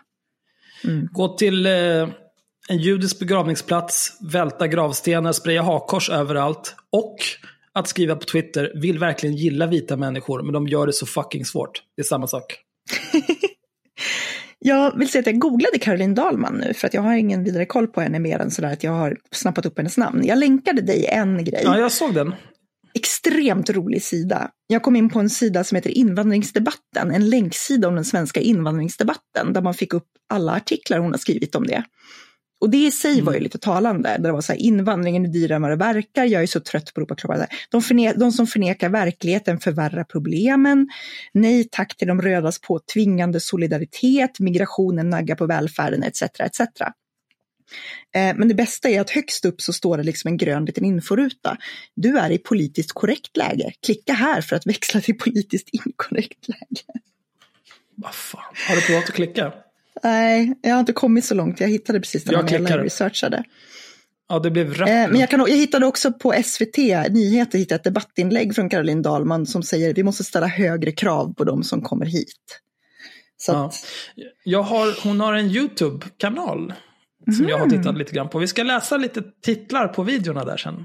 Eh, det, är ja, det var kul. lite som den här länksamlingen på invandringsdebatten.se. Ja, det är lite samma sak. Mm. Eh, ta och lägga till den där, det var ju trevligt. Mums. Ah, nu ska vi se här. Nu kommer vi till någon typ av poäng här. Mm. Eh, jag beskyller inte Osman för dessa ord, men de säger något viktigt. Om detta är citat jag fångar på bara några dagar finns stor risk att fler tycker likadant. Detta bör hanteras i skolan, av föräldrar och vuxna i olika sammanhang. Ur det perspektivet ger det rysningar att Bilan Osman utbildar lärare i hur de kan arbeta antirasistiskt enligt skolans principer och riktlinjer. Fast det gör det, Det låter inte. som ett... Nej, det gör det inte. Det låter som ett skämt att hon föreläser för elever om hur man kan problematisera fördomar och stereotyper. Nej, det gör det inte. Alltså, antingen, att- så, antingen överdriver Caroline Dahlman eller så behöver hon gå i terapi. För sina, Ja. sina ångestproblem. Ja, det är mycket ångestproblematik här. Istället för att lyssnas på borde hon snarare lyftas fram av skolan som ett skräckexempel. Nej, det borde hon inte. Nej. Hon jobbar för Expo som enligt sin hemsida har som vision ett samhälle där rasistiska idéer saknar inflytande. Märkligt då att de ger Osman plats. Det är inte alls det. Nej. det är, alltså, om man vill kunna motverka rasism, då måste man dels kunna prata om rasism, men också kunna prata om effekterna av rasism. Effekterna av rasism är det som Bilan Osman har skrivit om. Ja. Och begriper man inte någonting så jävla enkelt, då, alltså, då måste man ju vara den mest släthjärnade jävla sälkut som någonsin har existerat. Det är så jävla dumt det här alltså. Släthjärnad sälkut kan vara ett av mina favorituttryck. Men ja, du har helt rätt. Alltså det är ju som att säga att eh, Eh, är, om vi tar den feministiska kampen så är det ju som att när då kvinnorna, kvinnor till exempel suffragettrörelsen gick ut och sa att kvinnor måste, ha, kvinnor måste få rösträtt. Det är som att folk skulle säga så här, vadå kvinnor, vadå, säger ni att män, alltså ni kan ju inte prata om män och kvinnor som olika grupper, då motverkar ni ju eh, jämställdhetsrörelsen. Ni är ju antifeminister för att ni skiljer på män och kvinnor. Jag skiljer inte på män och kvinnor. Eh, för att jag säger ingenting om att kvinnor inte får rösta när män får göra det. Alltså är jag en bättre feminist. Jag ser inte kön. Nej, exakt. Det är därför det är så jävla farligt med folk som säger att de inte ser hudfärg. Det är de värsta typerna, för de är totalt omedvetna om att det finns skillnader och att människor agerar på skillnader och det är livsfarligt. Och de, de vill inte interagera med problemet, de vill bara låtsas som ingenting. För att de är fega och sämst. Ja, Nu är vi snart klara. Mm. Det som hon har uttryckt får stå för henne och ger ingen rätt att skuldbelägga alla kvinnor, muslimer eller personer med somaliska föräldrar. Bussigt. Verklig antirasism dömer nämligen inte människor utifrån hudfärg. Och så att hon... så jävla Ah, äcklig! Att hon har mage! Att hon har mage att försöka highroada det här som att hon är någon jävla shining beacon. Fy fan vad vidrigt det här är alltså. Det här är den här självgoda eh, Karen-attityden. Där det är så här, tänk dig, eh, tänk dig, oh ja, vi tar feministen vi tar feministdiskussionen, eller feministjämförelsen igen.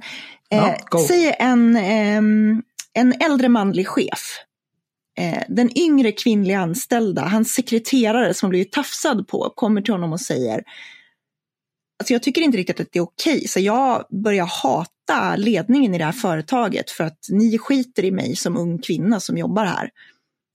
Och så har den manliga chefen ett uttalande där han säger Ja, det är ju väldigt tråkigt att du känner så, att du har, känner ett behov av att svartmåla alla män och alla ledningen i det här företaget.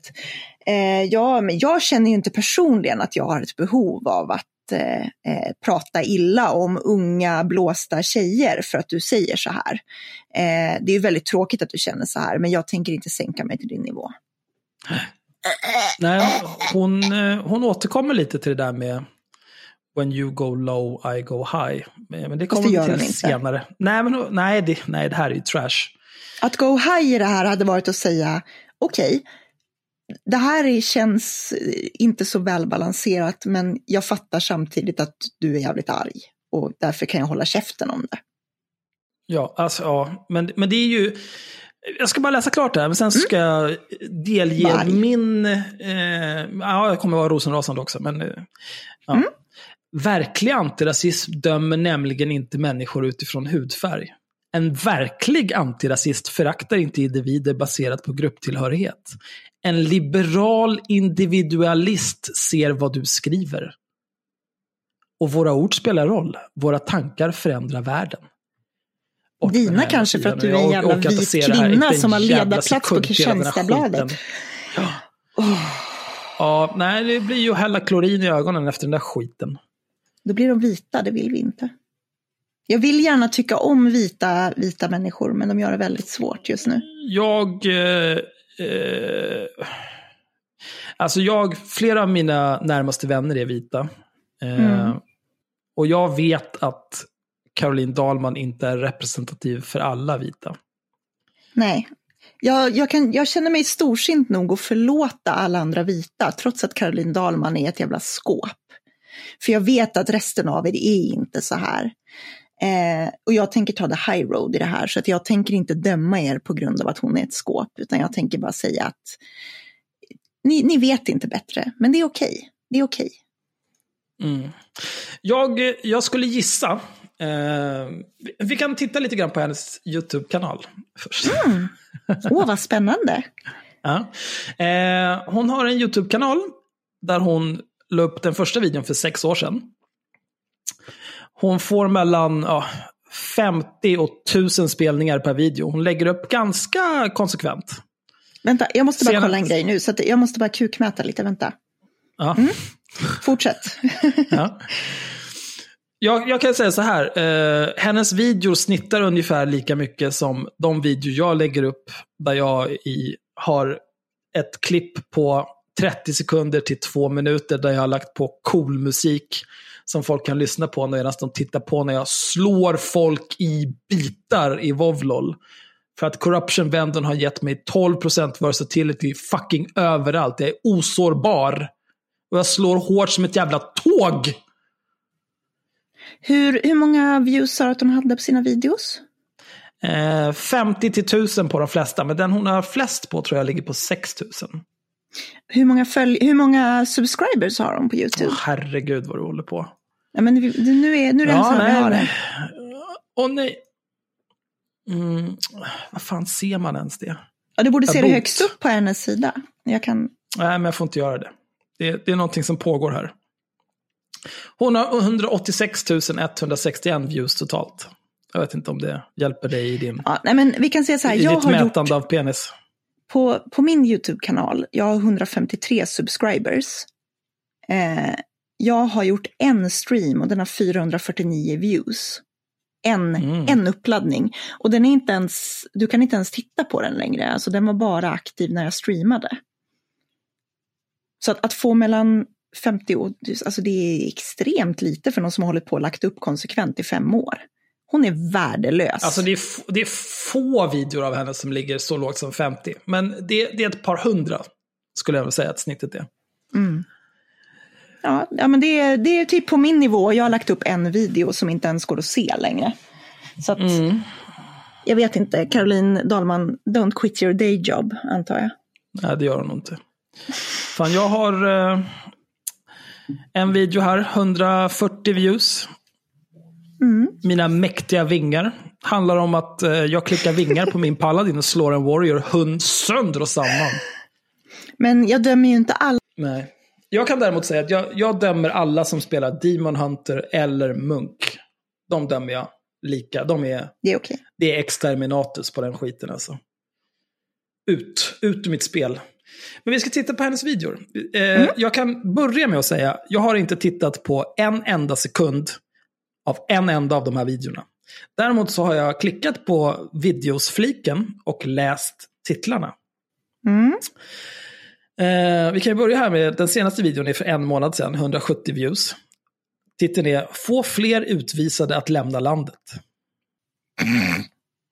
Hur ska hon lösa det? Jag är, nu är jag nyfiken på riktigt. Nej, Kör. jag vet inte, vi får titta. Ja. Den är bara tre minuter lång. De flesta är runt tre minuter långa, så att det är inte svårt att Okej, ta sig min igenom är en sån här tre video. timmar lång och jag har fler views. Så att, eh, Caroline Dahlman, don't quit your day job. Ja. Fan vad du är stolt över din YouTube-kanal nu helt plötsligt. Ja, men jag har en video, alltså det är så jävla lätt. Liksom. Det är så lätt att använda när du bara har en. Du behöver inte ens nyansera någonting, du vet. Nej, det är sant. Sen har vi en annan här för två månader sedan. Nej till amnesti för ensamkommande. Det här är den bästa. Två månader sedan också. 221 views. Ska vi lyssna på experter? Att, att, att, hur, hur kan man göra en video på det temat? Vad finns det att säga? Ja, självklart ska vi lyssna på experter. Det är kanske därför de är så korta.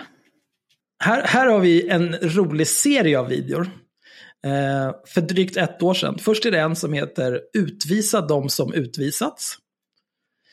Och sen, jag vill tro, eller jag ville tro att det var liksom eh, därför hon där härnäst har lagt upp en från SVT Opinion Live om nazistdemonstrationer. Men den handlar förmodligen bara om nazistdemonstrationer. Men jag orkar ju inte titta så jag vet inte. Nej. Videon efter, där hon är med i SVT Opinion Live. SVT och SR måste skärpa sig. Nej. En annan här för ett år sedan, 182 views. Fritidsgårdar, inte boten mot kriminalitet. Och sen fortsätter det så här liksom. Även utsatta måste följa lagar och regler. Eh, politiker skärper. Sverige måste utvisa de som begått grova brott. Det ska löna sig att arbeta. LAS biter inte mot gruppvåldtäkter. Wow. Oh, hacka inte på de rika. Sluta lägga skattepengar på tramsiga konstprojekt. Ingenting är gratis. Åh. EU-migranter måste fixa boende själva. Det finns problem i förorten. Tiggeriet blir för dyrt. Och så vidare, och så vidare in absurdum. Ja. Le Pen är vänster. Åh gud, är det den här nationalsocialism med vänster? För det har socialism i namnet. Mm, Mm. absolut. Jag älskar kapitalismen. Bilbränder ska inte bortförklaras. Även unga som begår grova brott måste kunna straffas. Och så vidare. Ja. Ni kan ju gå in här och titta själva. Jag tror att ni tar er igenom alla videor hon någonsin har lagt upp på inte, tre, fyra timmar kanske, på sin höjd. Det kan man ju ägna sig åt om man känner att det skulle vara värt. Kan man unna sig? Mm. Men jag läste ju den här mm, ledaren av Caroline Dahlman. Så då skickade jag ett litet mejl till henne. Åh. För att någonting som jag tycker om, det är när white people klagar över eh, hur jobbigt det är med rasism som riktas mot vita. Då brukar jag alltid känna, nej, nej. Berätta mer, snälla. nej va? Har du det lite jobbigt gumman? Ja. Mm. Ja, men det är precis som, Så- när, det är typ, det är precis som när, när vita män klagar över manshat. Det är det bästa som finns. Mm. Men då har jag skickat det så här. Hej! Apropå din text om bilen Osmans statusuppdatering på Facebook så tänkte jag höra med dig om du, parentes, eller någon annan vit person du känner, slutparentes, har någon erfarenhet av rasism riktat mot dig, parentes, er, slutparentes. Det får gärna vara mindre banalt än att ha blivit kallad svenne. Och sen så la jag också till, för att det spekulerades ju i vår Facebookgrupp, som ni kan gå med i om ni vill, att eh, Caroline Dahlman var en av dem som var delaktiga i projekt Ekerö. Med eh, Heberleidan, Erik van der Heg och lite andra psykotiska högerspöken. Bland annat en eh, EU-parlamentariker för Sverigedemokraterna nu. Skulle ta över en kommun och bete sig som galningar. Ja. Så jag skrev... Jessica Stegerud. I vår Facebookgrupp, parentes, jag är en av tre som gör podcasten Haveristerna, slutparentes, spekuleras just nu om att du skulle varit delaktig i det så kallade projekt Ekerö. Originalartiklar om detta verkar inte finnas kvar på ledarsidorna, men se länk nedan om du inte känner till det. Tänkte att du, om du vill, kan få dementera din inblandning så säger jag åt barnen att lugna ner sig med konspirationsteorierna. Och sen länkade jag till en artikel om det där i Aktuellt Fokus.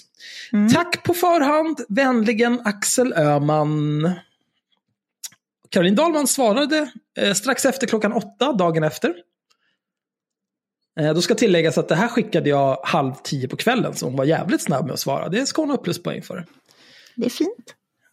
Hej Axel! I brist på argument och mod måste tydligen vissa personer komma med konspirationsteorier. Det har jag inget för och bryr mig inte om. Jag har verkligen inget med Ekerö-projektet att göra. Bra, då har vi rätt ut det. Mm. Osmans uttalande är rasistiskt och det har naturligtvis ingenting att göra med huruvida jag har erfarenhet av rasism eller inte. Det är ju själva grejen, att man inte alltid behöver agera i egen sak. Jag står upp för homosexuella fast jag är hetero. Jag kämpar för liberala värderingar och rättigheter jag tror på, men inte för att själv vinna något på det, utan för att de skapar ett gott samhälle. Eller så svarar du på frågan. Jag vet inte. Nej, det kan man ju inte. För då måste man ju säga att hon inte har lidit av någon typ av rasism. Nej. Det är det här som är intressant när du ställer den där frågan. För att frågar du en, en person som inte är vit, så här, ah, har du några exempel på hur du utsatts för rasism eh, i ditt liv? Så kan de förmodligen ganska snabbt ge dig exempel, även om ja. det är så här.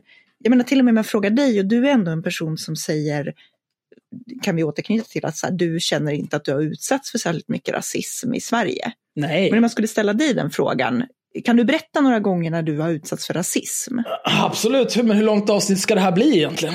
Ja, men ge mig tre, topp tre så här, på rak arm. en gång så sökte jag jobb på ett hotell. Eh, då pratade jag med eh, chefen där för receptionen i telefon först. Eh, och så kom vi överens om att jag skulle komma in och vi skulle ha en intervju och bla bla bla. Så kom jag dit. Och sen så sitter jag och väntar i receptionen. Då, då, kom hon ut och så kollade hon runt, gick iväg och så gjorde hon det tre gånger. Sen till slut så kom hon fram till mig och sa, är det du som är Axel? Och så ja visst, så presenterade jag mig. Och så, så märkte jag så att hon var märkbart förvånad över att någon som är lite mörk under ögonen kan prata ren svenska. Mm. Eh, överlag så just det där med eh, att prata ren svenska, det är ju någonting, det har fått väldigt många, vad bra svenska du pratar. Ja, tack, jag är född och uppvuxen på Söder, det är därför. Mm. Eh, och sen mycket, var kommer du ifrån egentligen? Mm.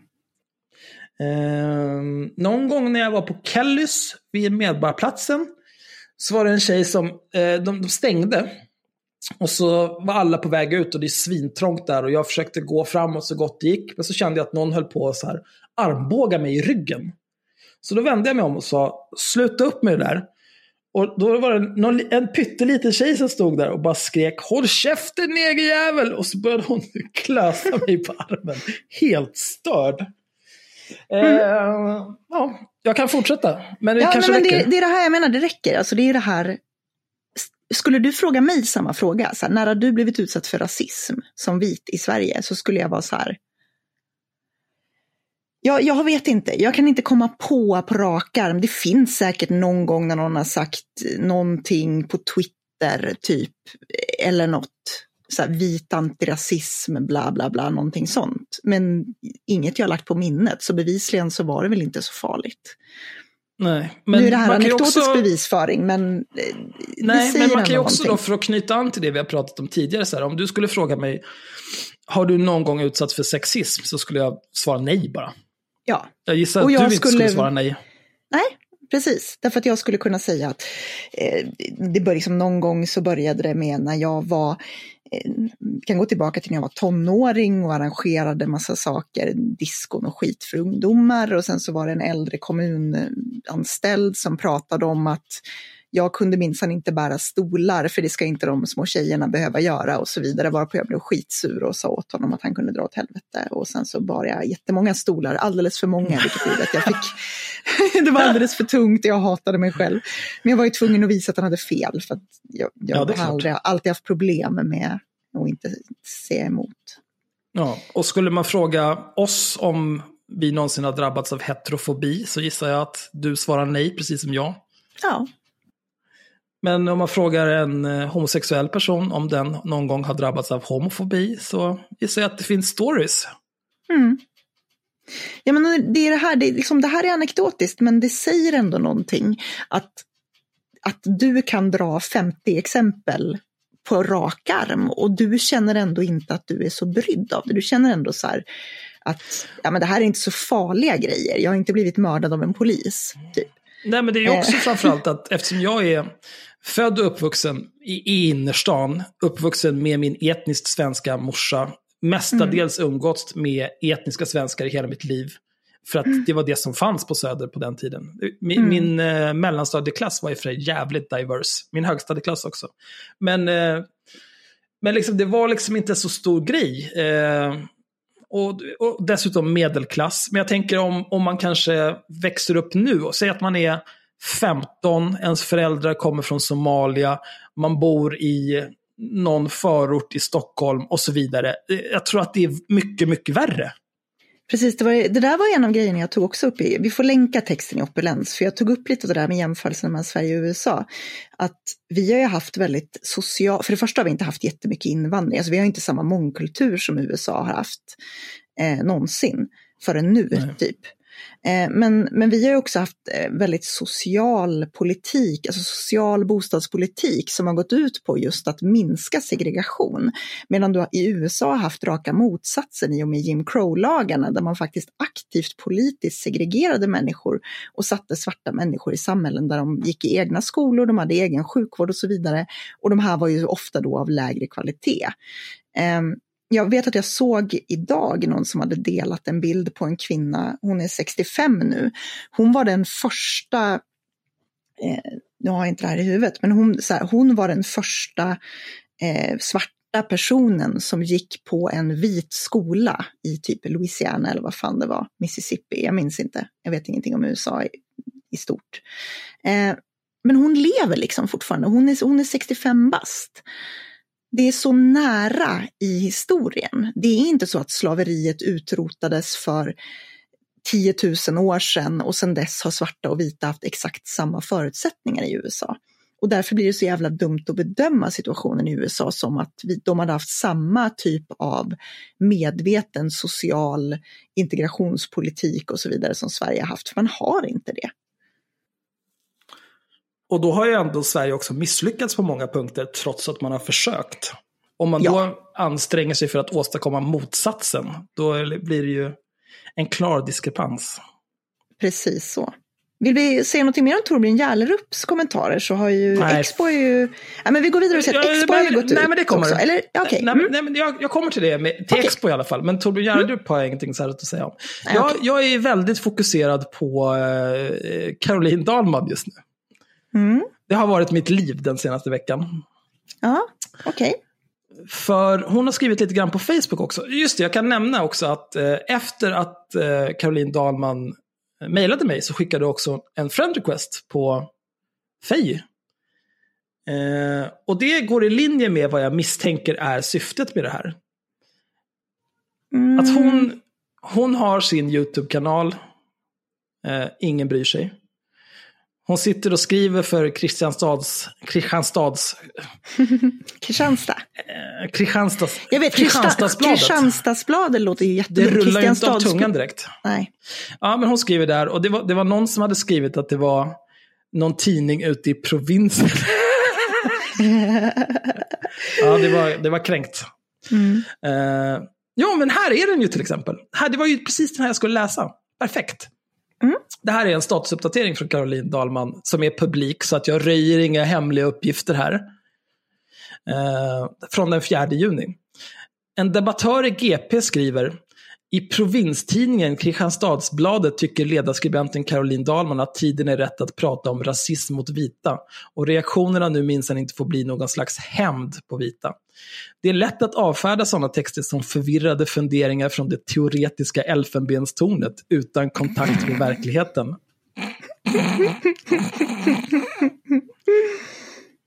Vad hon inte alls nämner är vad som fick mig att skriva min krönika. Nämligen rasistiska uttalanden om vita som kom ur frustrationen över vad som hände Floyd. Hon har ju ändå begripit vad, vad liksom, kontexten är. Men då har hon tagit bilen, en, en screenshot på det bilen som man skrev. Och sen har hon markerat vissa grejer här. Jag tänkte jag ska läsa det som hon har markerat. För var dag som går så pallar jag inte med vita människor. Så beroende av er vithet. Förakt för vitheten, vita och er oförmåga. Men han hade ändå mördats under er likgiltighet. Det här är extremt kukigt gjort. Mm. Uh, för det här, liksom, det finns ju en kontext, inte bara i, i, i vilken det här skrevs. Det finns ju också en kontext i texten. Som, det är ju inte bara förakt för vitheten, vita och er oförmåga. Nej. Utan det är varför har jag börjat känna ett förakt för vitheten, vita och er oförmåga att skydda mig? Du kan ju liksom inte bara klippa ut enskilda ord ur en text och tro att det bevisar någonting. Det är fan det dummaste jag sett. Ja, det är väl det du måste göra om du vill på något sätt skapa ett narrativ där det här handlar om att Bilan Osman hatar vita. Mm. Men här, eh, då, då kände jag att nu när vi är mycket nära vänner på Facebook, så Mm. det här ska vi ta och reda ut. Så då frågade jag, menar du att allt du har markerat här är rasism? Caroline Dahlman svarar, hon uttrycker sig rasistiskt ja. Men igen, om du provar att svara på frågan. Mm. Och då kommer en kille som heter Christer. Det är vänsterfalangen som har förvanskat ordet rasism. Allt som inte faller dem i smaken är rasism. Men 11 likes. Okej, ja, nej, så- han, bara, han bara ramlar in och är full och ska delge sin åsikt. han får 11 li- Men vänta, är det inte det Caroline Dahlman gör precis i den här posten? Eller, Ja, alltså, man kan tycka det. eh, eh, Jag ska inte gå igenom hela den här tråden, men, men just det här meningsutbytet var ganska kul. För jag, då skrev jag igen. Caroline, att du tycker att hon uttrycker sig rasistiskt har jag förstått. Menar du att allt du har markerat här är rasistiskt? Och sen Christer, tack. Men jag är helt ointresserad av dina åsikter om rasism. Och Christer svarar, vad tror du jag anser om ditt dravel då? What? Det här är roligt, för att nu kan man ju fråga sig, vad vet Christer om dig i det här läget? Du har ställt en fråga, en väldigt neutral fråga. Menar Jag har att ställt en fråga. Och han är omedelbart antagonistiskt inställd till dig. Ja. Vad vet han om dig? Inte, Som inte gör, att mycket. han, som gör att han hoppar på dig? Är det liksom så fort du ifrågasätter en fråga så är du omedelbart en Man får inte antagonist? ställa en fråga tydligen. Ja, det verkar så. Jättekonstigt beteende. Men det finns också väldigt intressanta kommentarer här. Varför har jag börjat känna förakt för sådana som Bilan Osman och hennes likar? Hennes likar här då kan ju vara, vad menas med det? Menar han eh, folk som härstammar från Somalia? Folk som är vänsterblivna? Det är svårt att veta, men det känns som att det skulle kunna vara racist as fuck. Mm. Caroline Dahlman, gör en ledsen smiley. Bra argument, tack. Eh, här också. Är det bara jag som undrar varför folk inte tagit upp det faktum att denna martyr suttit inne för att ha tryckt en pistol i magen på en gravid kvinna i hennes hem? What? 14 likes. Jo, men han, han är dömd för olika saker, George Floyd. Så här. Men det, är liksom, det spelar ingen roll. Nej, det spelar absolut det, ingen be- roll. det betyder inte att polisen kan mörda honom på öppen gata. Nej. En annan kommentar här. Inte första gången Bilan Osman uttalar ren rasism mot vita. Fyra likes. Jesus Christ. Alltså jag har träffat Bilen Osman, jag har druckit öl med Bilen Osman en gång. Jag har träffat henne i några sammanhang. Jag har aldrig känt att hon har ens varit så antagonistiskt inställd mot mig som Christer var mot dig i den här tråden. Nej. Nej, men hon hatar ju vita, så det är konstigt. Ja, det är jättekonstigt beteende av Bilan Osman. Jag förstår inte. Är inte Bilan Osman också gift och har barn med en jude? Det är ju väldigt konstigt om hon är rasist. Jag förstår inte Mm. riktigt. Ja, det är mycket Extremt eh, inkonsekvent av Bilan Osman. dålig rasism helt enkelt. Jättedålig rasism. Jag är kränkt. Men eh, Caroline Dahlman har ju kapitaliserat hårt på att eh, om man skriver en korkad text så kommer många människor reagera. Mm. Eh, vilket har gjort att hon delar oändligt många poster om dels eh, mejl hon får och svaren hon skickar och så vidare. Eh, och det har gjort att det finns lite grann en eh, guldgruva här av eh, citat. Mm. Till exempel det här. Från Laila. Helt enig med Caroline Dahlman. Rasistkortet dras när argumenten tryter. Bra svar och bra skrivet. Men, men vad är det som var upprinnelsen till allt det här? Det var väl att Caroline Dahlman drog rasistkortet. Varför är då... Alltså, om de bara kunde vara konsekventa i sina åsikter, de här jävla idioterna. De är ju det. Det är det som är det mest störande. Jag har ju länge sagt att jag har lättare att stå ut med uttalade jävla nazister än med Sveriges idioter. Därför att de uttalade nazisterna, även om de rent, rent krast är, är mycket, mycket vidrigare, så är de åtminstone oftast konsekventa i sin idioti. Mm. Medan Sverige så är den här typen som å ena sidan säger usch det är så hemskt med rasism om en svart person säger att de blir ledsa på vita människor. Men samtidigt tycker att en sverigedemokratisk politiker kan säga vi måste skjuta alla muslimer och det är inte rasism. Inkonsekvensen stör mig mer än rasismen, nästan. För att det går inte att argumentera emot. Liksom. Det är som att försöka spika fast en burk slime. Ja, det är mycket en, en Jonas. Men snälla, åk hem! Annars kan du demonstrera när din kompis hugger huvudet av en tjej i vårt land. Ut, as! Ja, för det händer Okej. jätteofta. Staffan, om nu bilen Osman vantrivs där majoriteten av folket är just vita, varför bor hon kvar här? Hon kommer så vitt jag har förstått från Somalia, där hennes jämlikar bor, så varför inte flytta dit? Åh, fy fan vad äckliga folk är och jag orkar inte. Det, det är ju kul. Eh, då, då kan man ju återkoppla här till när Caroline Dahlman spenderade ett par dagar på Facebook och Twitter och lyckades hitta sex citat som hon ansåg vara rasism mot vita. Men hon markerar ju säkert emot de här. Hon är ju säkert... Nej men framförallt, nu har vi spenderat ett par minuter med två trådar på Caroline Dahlmans Facebook-wall och hittat mer rasism. Men jag, jag förutsätter att Caroline Dahlman går ut och fördömer det här i sina egna trådar. Eh, nej, Och går ut och säger men, du eh, är rasistisk nu, sluta omedelbart. det är inte jättemycket av det. Nej, jag förstår inte. Alltså det är just det här att, att en, en tråd av Bilan Osman genererar en, eh, en hel ledartext. Så eh, vi kanske ska helt enkelt så vi kanske ska uppmana folk att hitta rasistiska trådar och skicka till henne så hon har lite, lite foder att göra ledartexter på framöver. Gärna typ Mm. rasistiska kommentarer från hennes egen Facebook så hon kan skriva en ledare om det. Ja. ja, man kanske skulle sätta en bot på och samla in lite här. Det är jättebra, hon kommer inte behöva material på flera år framöver. Hon kan bara skriva om all rasism på sin egen Facebook-vägg. Fan, Tim får fixa det. Tim, eh, bygg en crawler som eh, screenshotar baserat på eh, någon typ av eh, sökord. Bra. Mm.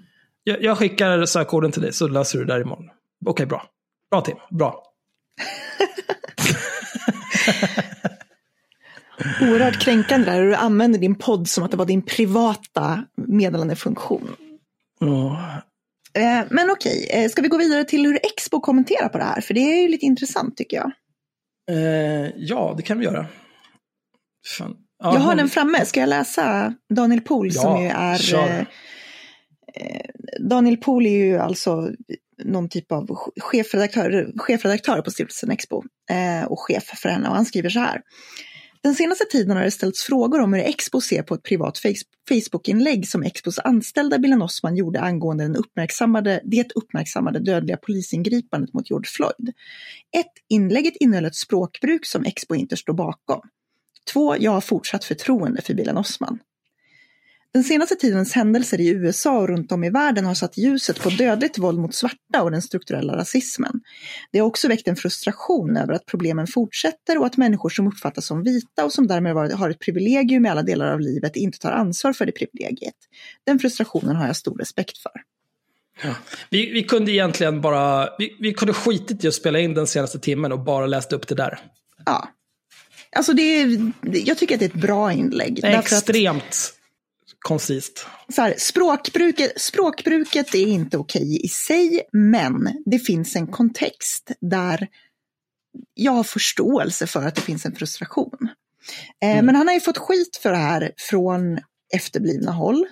Eh, han har ju dels fått skit från en grupp av antirasister som tycker att han borde bara ha backat henne och tyckte att det här var helt oproblematiskt, vilket är helt omöjligt i hans situation. Därför att såklart måste han säga, det är inte Skaffa Okej. råttor sa de. Det blir kul sa de. Det blir kul. Det var inget som gick sönder. Så att, eh, Nej, det är bra. okej.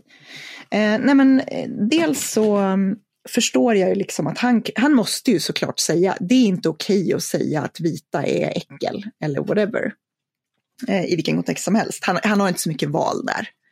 Det här är ju ett väldigt mycket ett politikeruttalande från Daniel Pohl. Nej, alltså, jag kan säga, jag, eh, jag, jag känner personligen inget som helst behov av att ta avstånd från någonting Bilan Osman skrev i den där Facebook-uppdateringen.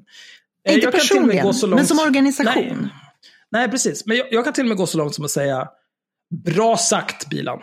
Bra ja. sagt. Jag men jag har också full förståelse för att Daniel Pohl i egenskap av chefredaktör för, stif för stiftelsen Expo kan inte säga samma sak. Nej. Och det är det filtret, på samma sätt som jag läser bilans post genom ett filter av det här är en person som tillhör en grupp som särbehandlas på ett jävligt negativt sätt i samhället och folk beter sig som idioter så kan jag läsa Daniel Pools svar utifrån filtret. Det här är en person som är chefredaktör för en organisation som förmodligen fortsatt vill kunna samarbeta med folk utan att de får på sig hela Sverigestrevet så han är tvungen att bara förtydliga att så här, nej, vi står inte bakom rasism oavsett. Eh, men han får ju skit då från folk som tycker att han skulle ha backat Bilen Osman rakt av, vilket jag tycker är korkat.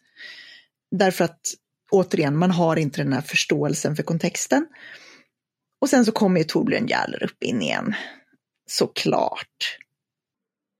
Alltså han är ju, han är som syfilis. Ja. Jag tror att han försöker göra sig relevant. Fast han inte är det. Han skriver så här. Bra att ni markerar. Mycket bra av Expo. Man drar inte alla vita över en kam. Oh, precis som man inte drar alla judar, muslimer eller svarta över en kam. Punkt! Alltså, han, är, han är så vidrig. Men det är också så här, det, det är ett tydligt tecken på att han inte har förstått. Han har inte förstått vad han precis har läst. Det räcker ju att läsa med det här som Daniel Pohl har punktat upp. Nej. Ett, inlägget innehöll ett språkbruk som Expo inte står bakom. Ja, okej, okay, vi ger er lite rätt i det här. Men, fuck you, för två, mm. jag har fortsatt förtroende för Bilan Osman. Exakt. Alltså, kan man inte läsa mellan raderna där, då är man ju Special. Det han säger är ju, det han säger är ju jämförbart med att han skulle ha sagt, ja, hon hade fel kommatering i posten och det mm. var ett redigeringsfel. Det är på den nivån han lägger sig. Alltså det här är ju literally en brasklapp. Ja, precis. Han försöker, han försöker bara släta över och jag tycker det var ett bra svar. Liksom. Jag tycker det var, det var helt rimligt. Mm. Men det finns ju många här som är riktigt jävla jobbiga och dumma i huvudet. Mm. Eh, Amerika Vera Zavala till exempel. Mm. Vad är det ni tar avstånd ifrån? Vilken formulering? Snälla. Det är, så, det är så jävla dumt. Varför ska man hålla på på det här viset? Ja, det var väl uppenbart. Och det är flera som håller på så här, är mycket intresserade av vilket språkbruk specifikt ni inte kunde stå bakom. Mm. Nabila ja, det... Abdul Fattah är här också. Om Expo inte står bakom Bilan och hennes språkbruk så borde Expo lära sig ett och annat om vithet och maktstrukturer. Därefter skulle Expo också stå bakom Bilans språkbruk. Alltså det Men här är ju inte människor som är... henne. Det är ja, det här alltså, som är så störigt. Det här är ju människor, alltså Nabila Abdul Fattah och Amerika Vera Zavala. Det här är ju människor som liksom, de är ju, jag, jag tänker mig att de måste ju begripa att det finns politik i det här också. Att de då ska hålla på och hetsa mot Expo? Ja, jag vet inte. Jag tycker att det här var ett bra svar därför att jag, jag kan inte läsa det som någonting annat än typ okej, okay, jag måste säga att jag tar avstånd från det här, men jag skiter i vad ni tycker om bilen. Hon är bra, jag står bakom henne. Um, men Torbjörn är ju såklart inne i den här tråden också som sagt och så skriver han Först den där posten där han skriver något hjärta och bara åh jättebra. Och sen så håller han på att dra fler sådana här palestinier som fraktar judar, det är okej, jada jada jada. Och sen skriver han en till post och pratar om islamofober som uttrycker sig om IS. Och så skriver han en till post. Alltså han har svarat så många gånger under den här. Um, vilket bara är så här, Torbjörn Jallerup, lämna internet. Okej okay, boomer. Eh, så jag svarar till Torbjörn Jallerup på hans typ fjärde post och skriver så här. Jag vidhåller att det är fullständigt rimligt att ha åsikter om grupper som använder sin makt för att skada andra. De allra flesta kommer att förstå att det handlar om generaliseringar som inte skadar, parentes till skillnad från till exempel folkmordsprocesser, slutparentes. Och så skriver jag, var du offline under tiden då inte alla män diskuterades? Tycker du att det är okej att prata om män som grupp för att kunna problematisera bredare beteenden som har kön som minsta gemensamma nämnare? För du vet, det blir jävligt svårt att förändra samhället om vi ska låtsas att bredare mönster inte existerar överhuvudtaget. Men du verkar inte bry dig så mycket om förändring. Och sen så la jag till, ditt PS, ditt beteende under metoo och just nu har knuffat mig lite närmare att börja skriva liknande poster om vad jag tycker om män som grupp. Grattis! Eh, vilket är typ hur jag känner runt det här. Och så drar han upp igen och så han, han svarar ju bara mer av det här. Ja, men man får inte prata om judar och muslimer som grupp. Eh, eh, eh. Vilket innebär att han har inte fattat någonting. Eh, så jag tycker bara att vi ska ta ifrån Torbjörn Jallerup hans datorkörkort och sen är vi klara med det. Mm. Och den här Sakari. Vi svarta undrar vilket språkbruk specifikt ni inte kunde stå bak. Kan du dra åt helvete? vi svarta. Fan, ta ditt liv. Mm. Oh, det, där har, det där är inte en fråga vi har tagit upp i Svarta rådet, det kan jag säga på en gång. Nej, nej det, vi skulle behöva göra en, eh, vi får göra lite merch med Svarta rådet på. Jag har, jag har gjort en teckning på Svarta rådet, faktiskt. Vidrigt.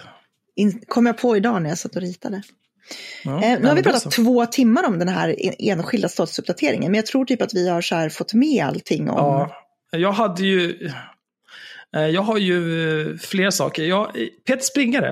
Mm. This bitch. Mm. Eh, det var ju den här polisen som du ville prata om. Mm. Har du sett Peter Springares hot take på det?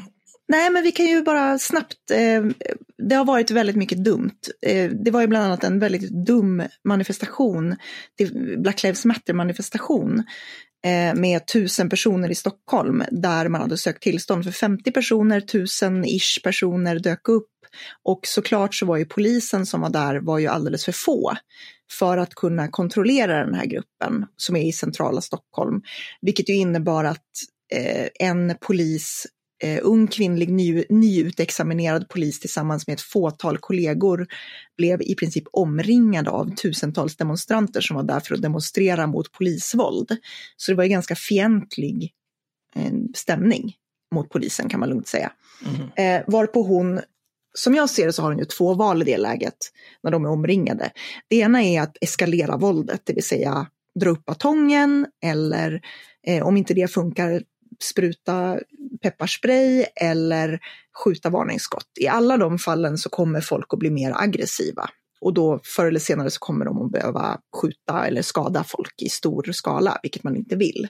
Hennes andra val är att försöka deskalera aggressionen, vilket var det hon försökte göra genom att hon gick ner på knä och höjde näven i liksom eh, så här black fist. Eh, eh Någon typ av kampgest. Precis, i solidaritet med demonstrationen. Eh, och jag förstår henne, därför att hon hade inte hade hon eskalerat våldet så hade hon, alltså du kan inte vinna mot tusen personer utan att faktiskt döda någon. Det går inte. Nej. Men det här är ju också, det, det var ju, Polisen i USA har ju gjort så på många ställen också när det har varit demonstrationer. Till, till att börja med mm. vill jag säga, alla som är ute och demonstrerar och, och liksom går runt och gnuggar sig mot hundratals eller tusentals människor mitt under en pågående pandemi. Ni borde fan skjutas. Mm. Vilka jävla idioter. Det är korkat. Men, eh, det här är ju... Eh, det här är väl en av få bra saker som har kommit ur det här. Eh, framförallt i USA, men också just den här händelsen. För precis som du säger, det här är ju ett sätt att deeskalera situationen. Mm. Eh, och då kan man hon ju kanske så, sympatiserar men... också, det kanske hon gör, det vet jag inget om. Men om vi, om vi bara tar ut alltså, ur ekvationen var det ändå ett smart val, det var taktiskt. Ja, eh, jag skulle säga att eftersom hon är där i sin yrkesroll så borde hon i sin yrkesutövning sympatisera med andemeningen bakom Black Lives Matter eftersom ja. polisens uppgift är att skydda alla medborgare. Absolut. Så det är liksom, det, jag, jag tycker det är helt okontroversiellt. Men jag, jag, tycker att det här är ju, eh, skulle, det är mer så här, det här är lite så här kvarterspoliskänsla. För att det är bra för folk som... Eh, de är ju idioter eftersom de importerar eh, en hel problembeskrivning från USA. Och, och låtsas som att så här, men det är precis lika illa i Sverige och så här, det här händer varje dag i, i liksom orter på 50 invånare i Sverige. Folk bara dör i drivor, det är hemskt. Polisvåldet vet inga gränser. Det är inte riktigt så i Sverige. Men det är klart att det finns problematik här också. Och då om man, eh, det, det, är ju fjantigt liksom, men det här brobryggandet, det är ju nödvändigt för att det ska bli någonting. Om folk som blir utsatta för brott känner att jag kan vända mig till polisen trots att jag bor i eh, ett miljonprogram och är, har invandrarbakgrund. Det är bra. Ja. Om polisen visar att vi kommer inte tolerera det här beteendet från våra kollegor, det är bra.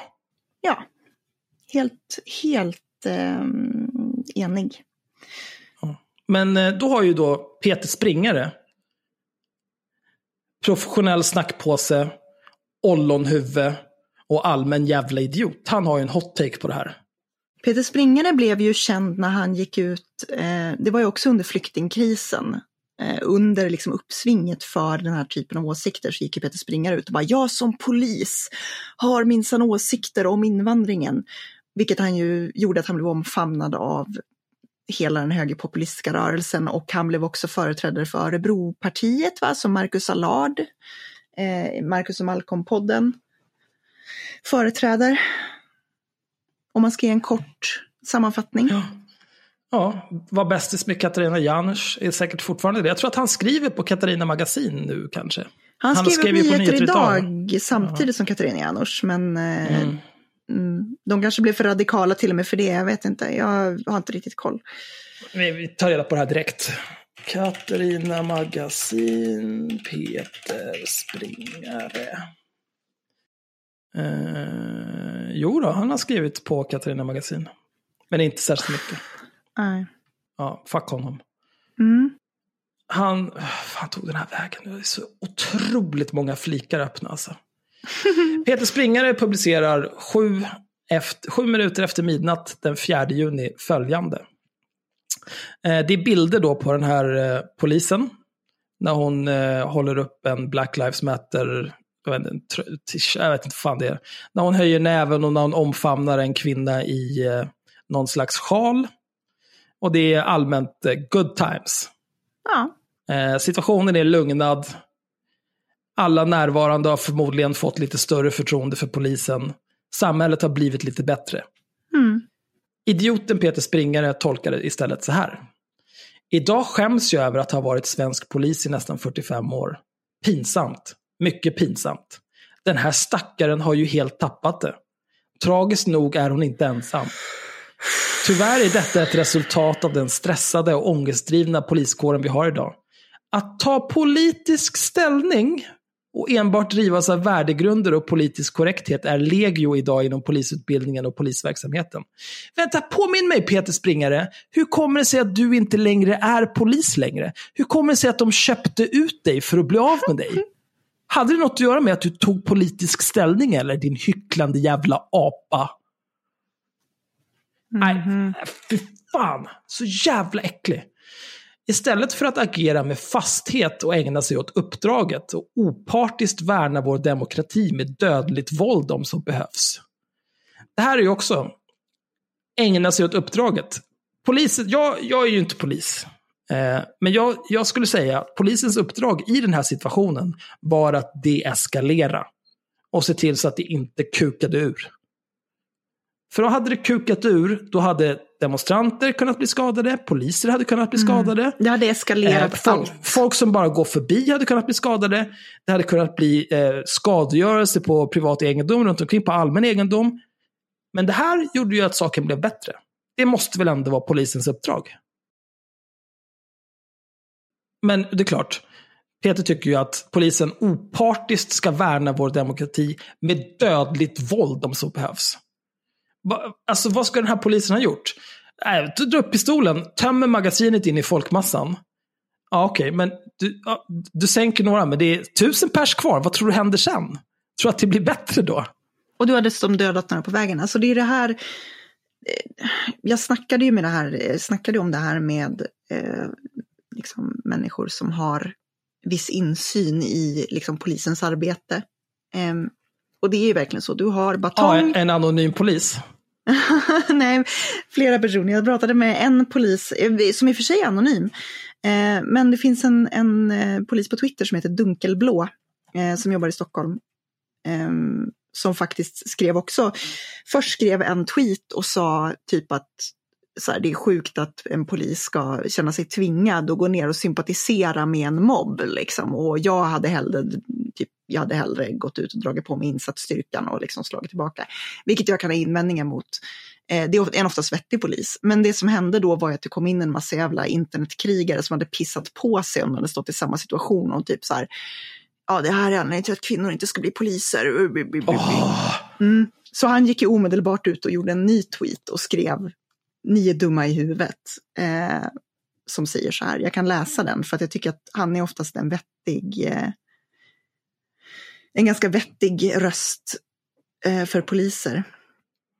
Jag, jag, jag- vet ju inte vad som motiverade den här polisen att göra så här. Men jag, jag tänker bara utgå spelar ifrån ingen att roll. det är för att hon var professionell. Inte för att hon kände sig tvingad för att hon inte skulle bli mördad av alla de här människorna runt omkring.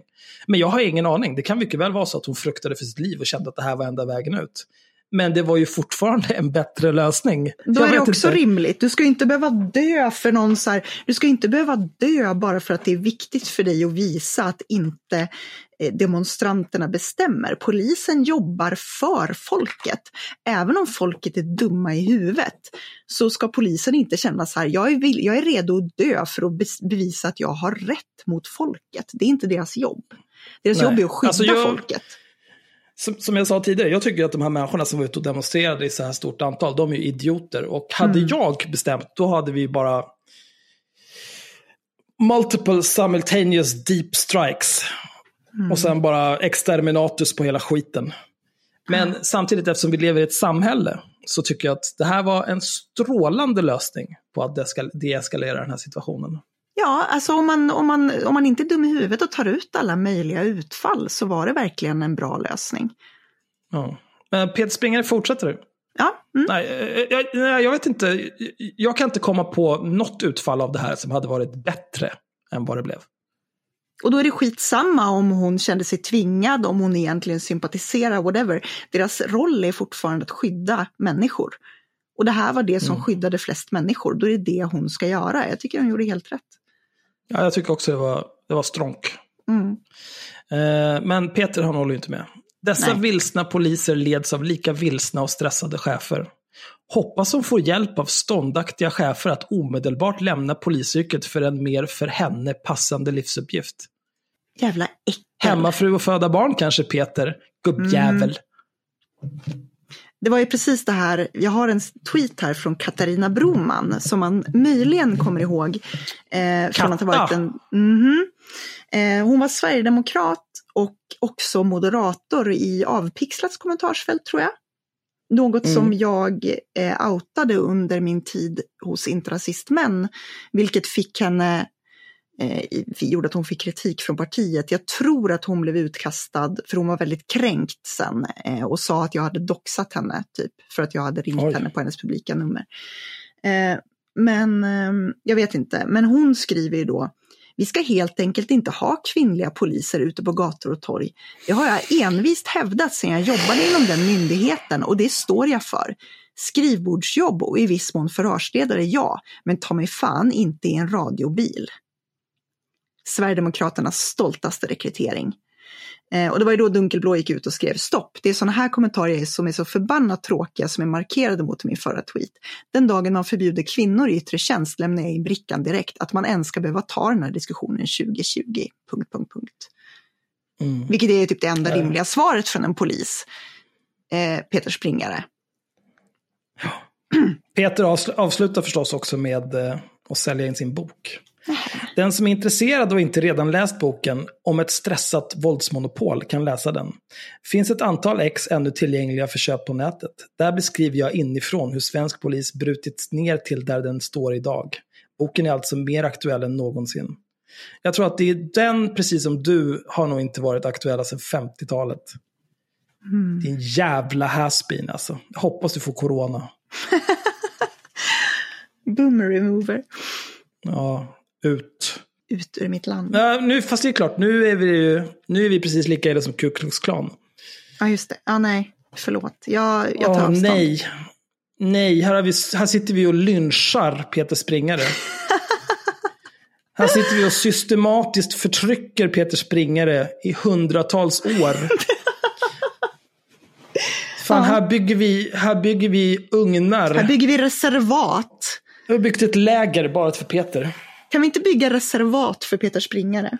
Kan vi göra en, en Kickstarter-kampanj för att bygga ett Peter Springare-reservat? Kanske i, eh, vad fan heter kommunen där de är så dumma i huvudet? Du vet vilken jag menar. En gång till? Kommunen där de är så dumma i huvudet. Eh, Staffanstorp? ja, tack. Kan vi bygga ett reservat för Sveriges boomers i Staffanstorp och så bara så kan de väl vara där och ha det bra och så kan resten av samhället bara fortsätta som vanligt. Så kan de få lite mindre pengar till skola och sjukvård. För det gör inte så mycket, de klarar sig nog ändå. Fy fan. Här är en riktigt skön kommentar också i Peter Springares fält från eh, en Niklas som ser ut att vara en medelålders man på en Harley Davidson. Nej, har han glasögon? Har han ja. snabba glasögon? Ja, han har snabba glasögon. Såklart.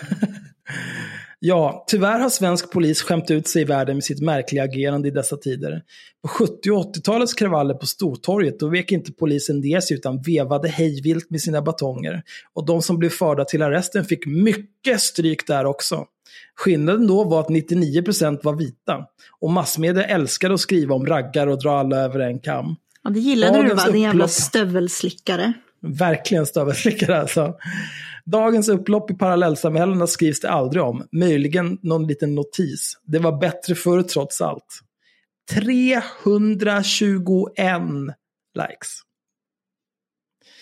Peter Springare, Peter Springare, han pratar med fascister.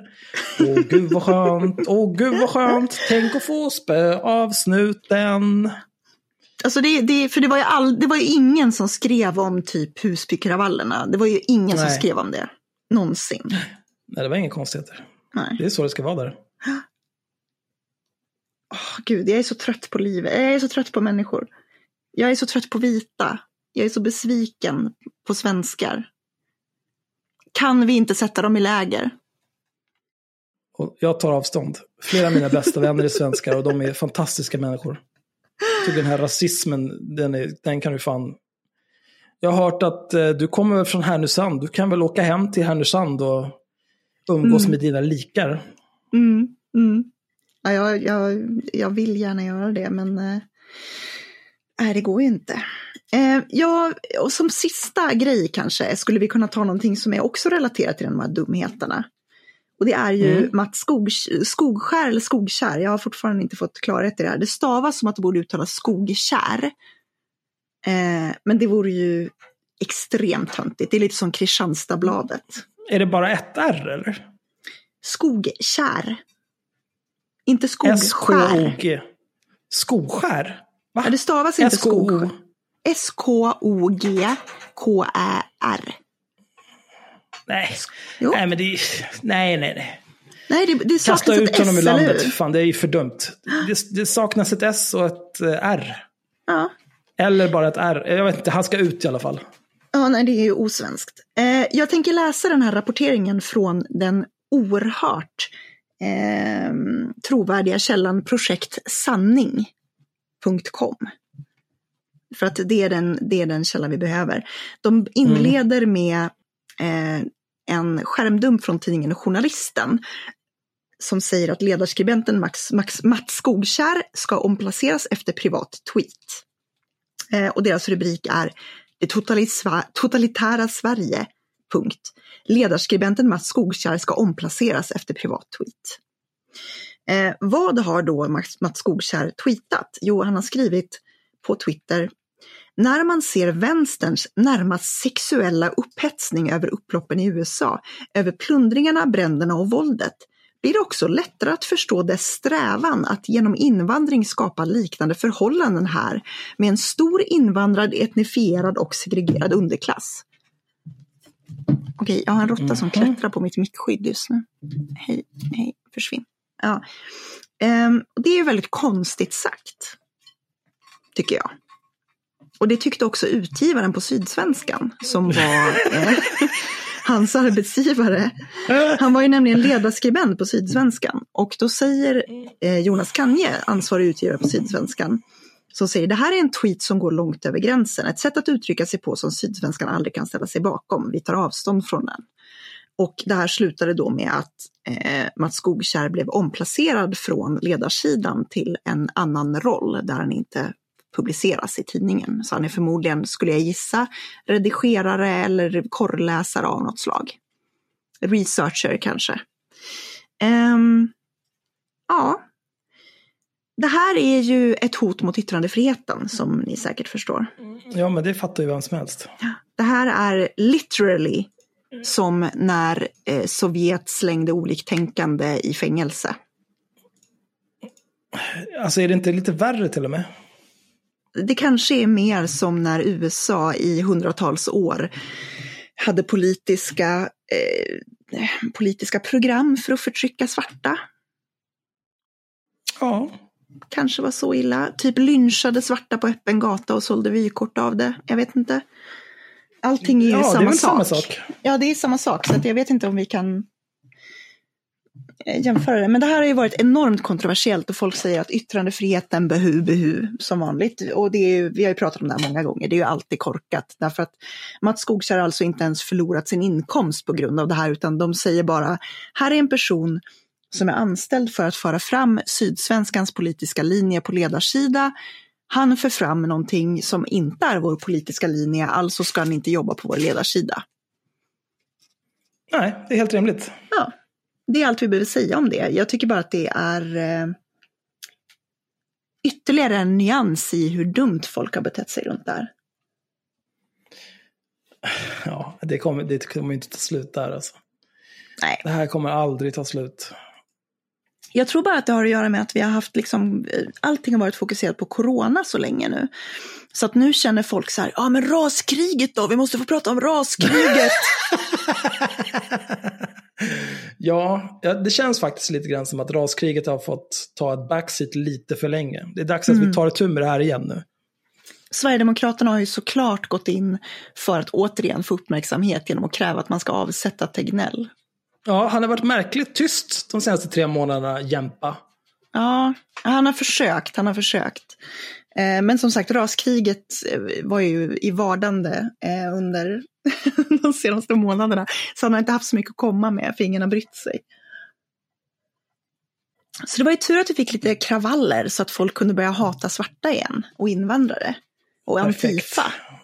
Och det är skönt också att folk som... Ah, det, är så mycket, det är så många aspekter av det här som är så jävla tarded.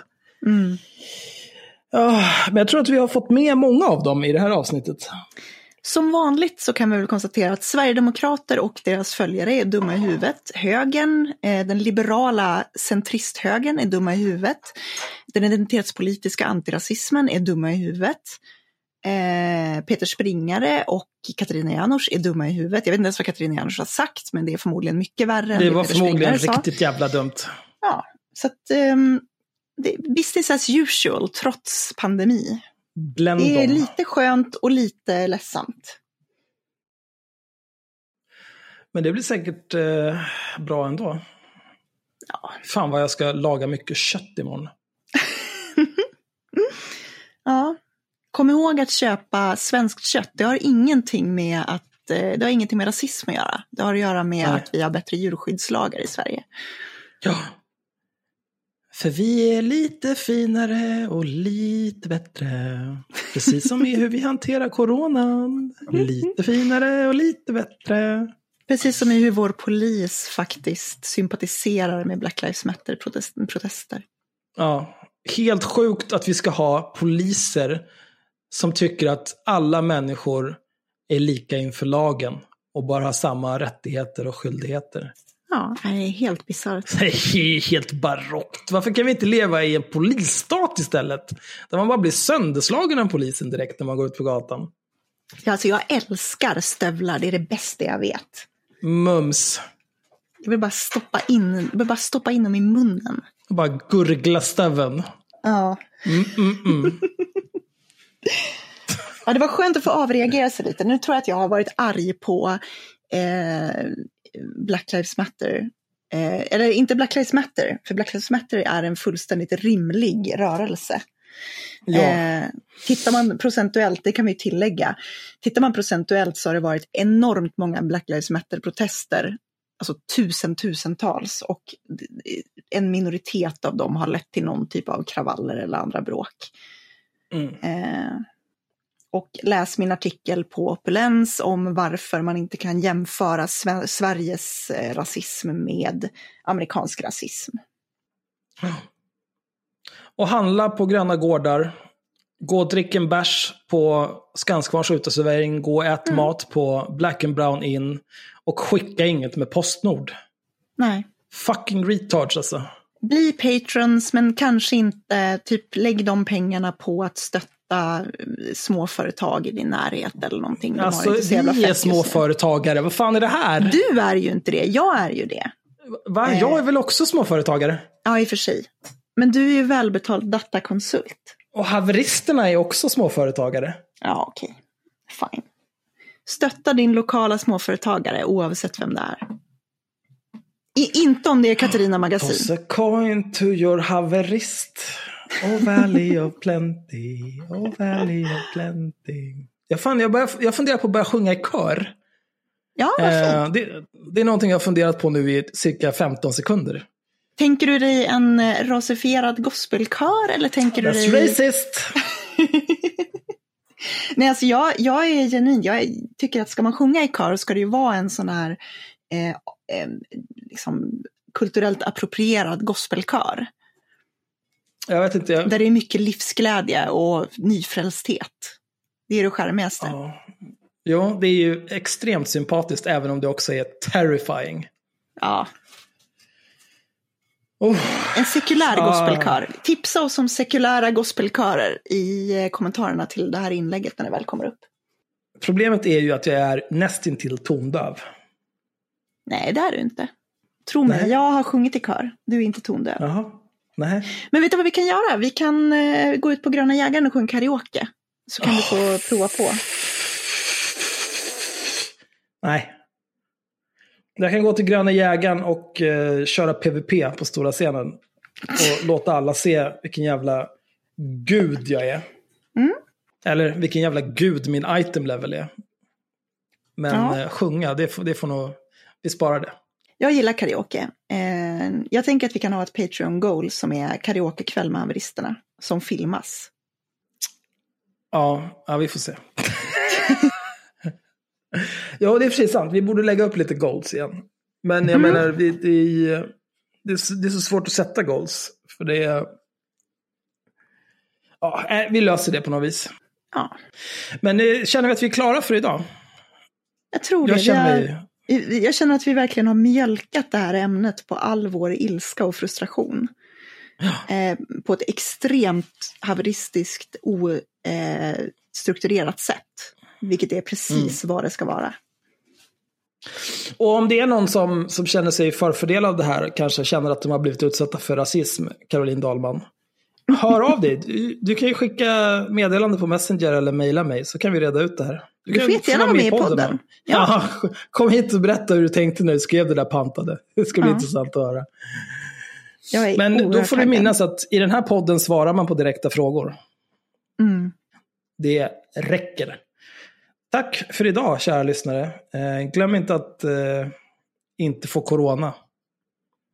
Nej, låt gärna bli, ehm, låt gärna bli att gå ut i folksamlingar. Men det är okej att vara ute på en uteservering och dricka en öl om du håller ett rimligt avstånd. Och om du stöter på någon som, som håller på och är så här jobbig och bara "Hahaha, jag tror inte på corona, det är bara på Och så börjar de så här fejkhosta på folk. Ge dem en smäll. Ja, det är Ge dem en smäll självförsvar. direkt bara. Det är självförsvar. Jag tror att det kan räknas som självförsvar. Ja, det där är ju mordförsök. Stå och hosta corona på folk. Fy fan, livsfarligt. Klappa till bara. Det är också dagen efter, efter nationaldagen. Så att jag tänker att eh, vi, Sverige! vi kan också minnas, eh, vi kan också, tycker jag, egentligen minnas eh, det bästa exemplet på bra svenskhet. Kalle Dussin. Nej, jag tänkte... Stor-Sverige. Ja, det- nej. Nej. Bästa exemplet.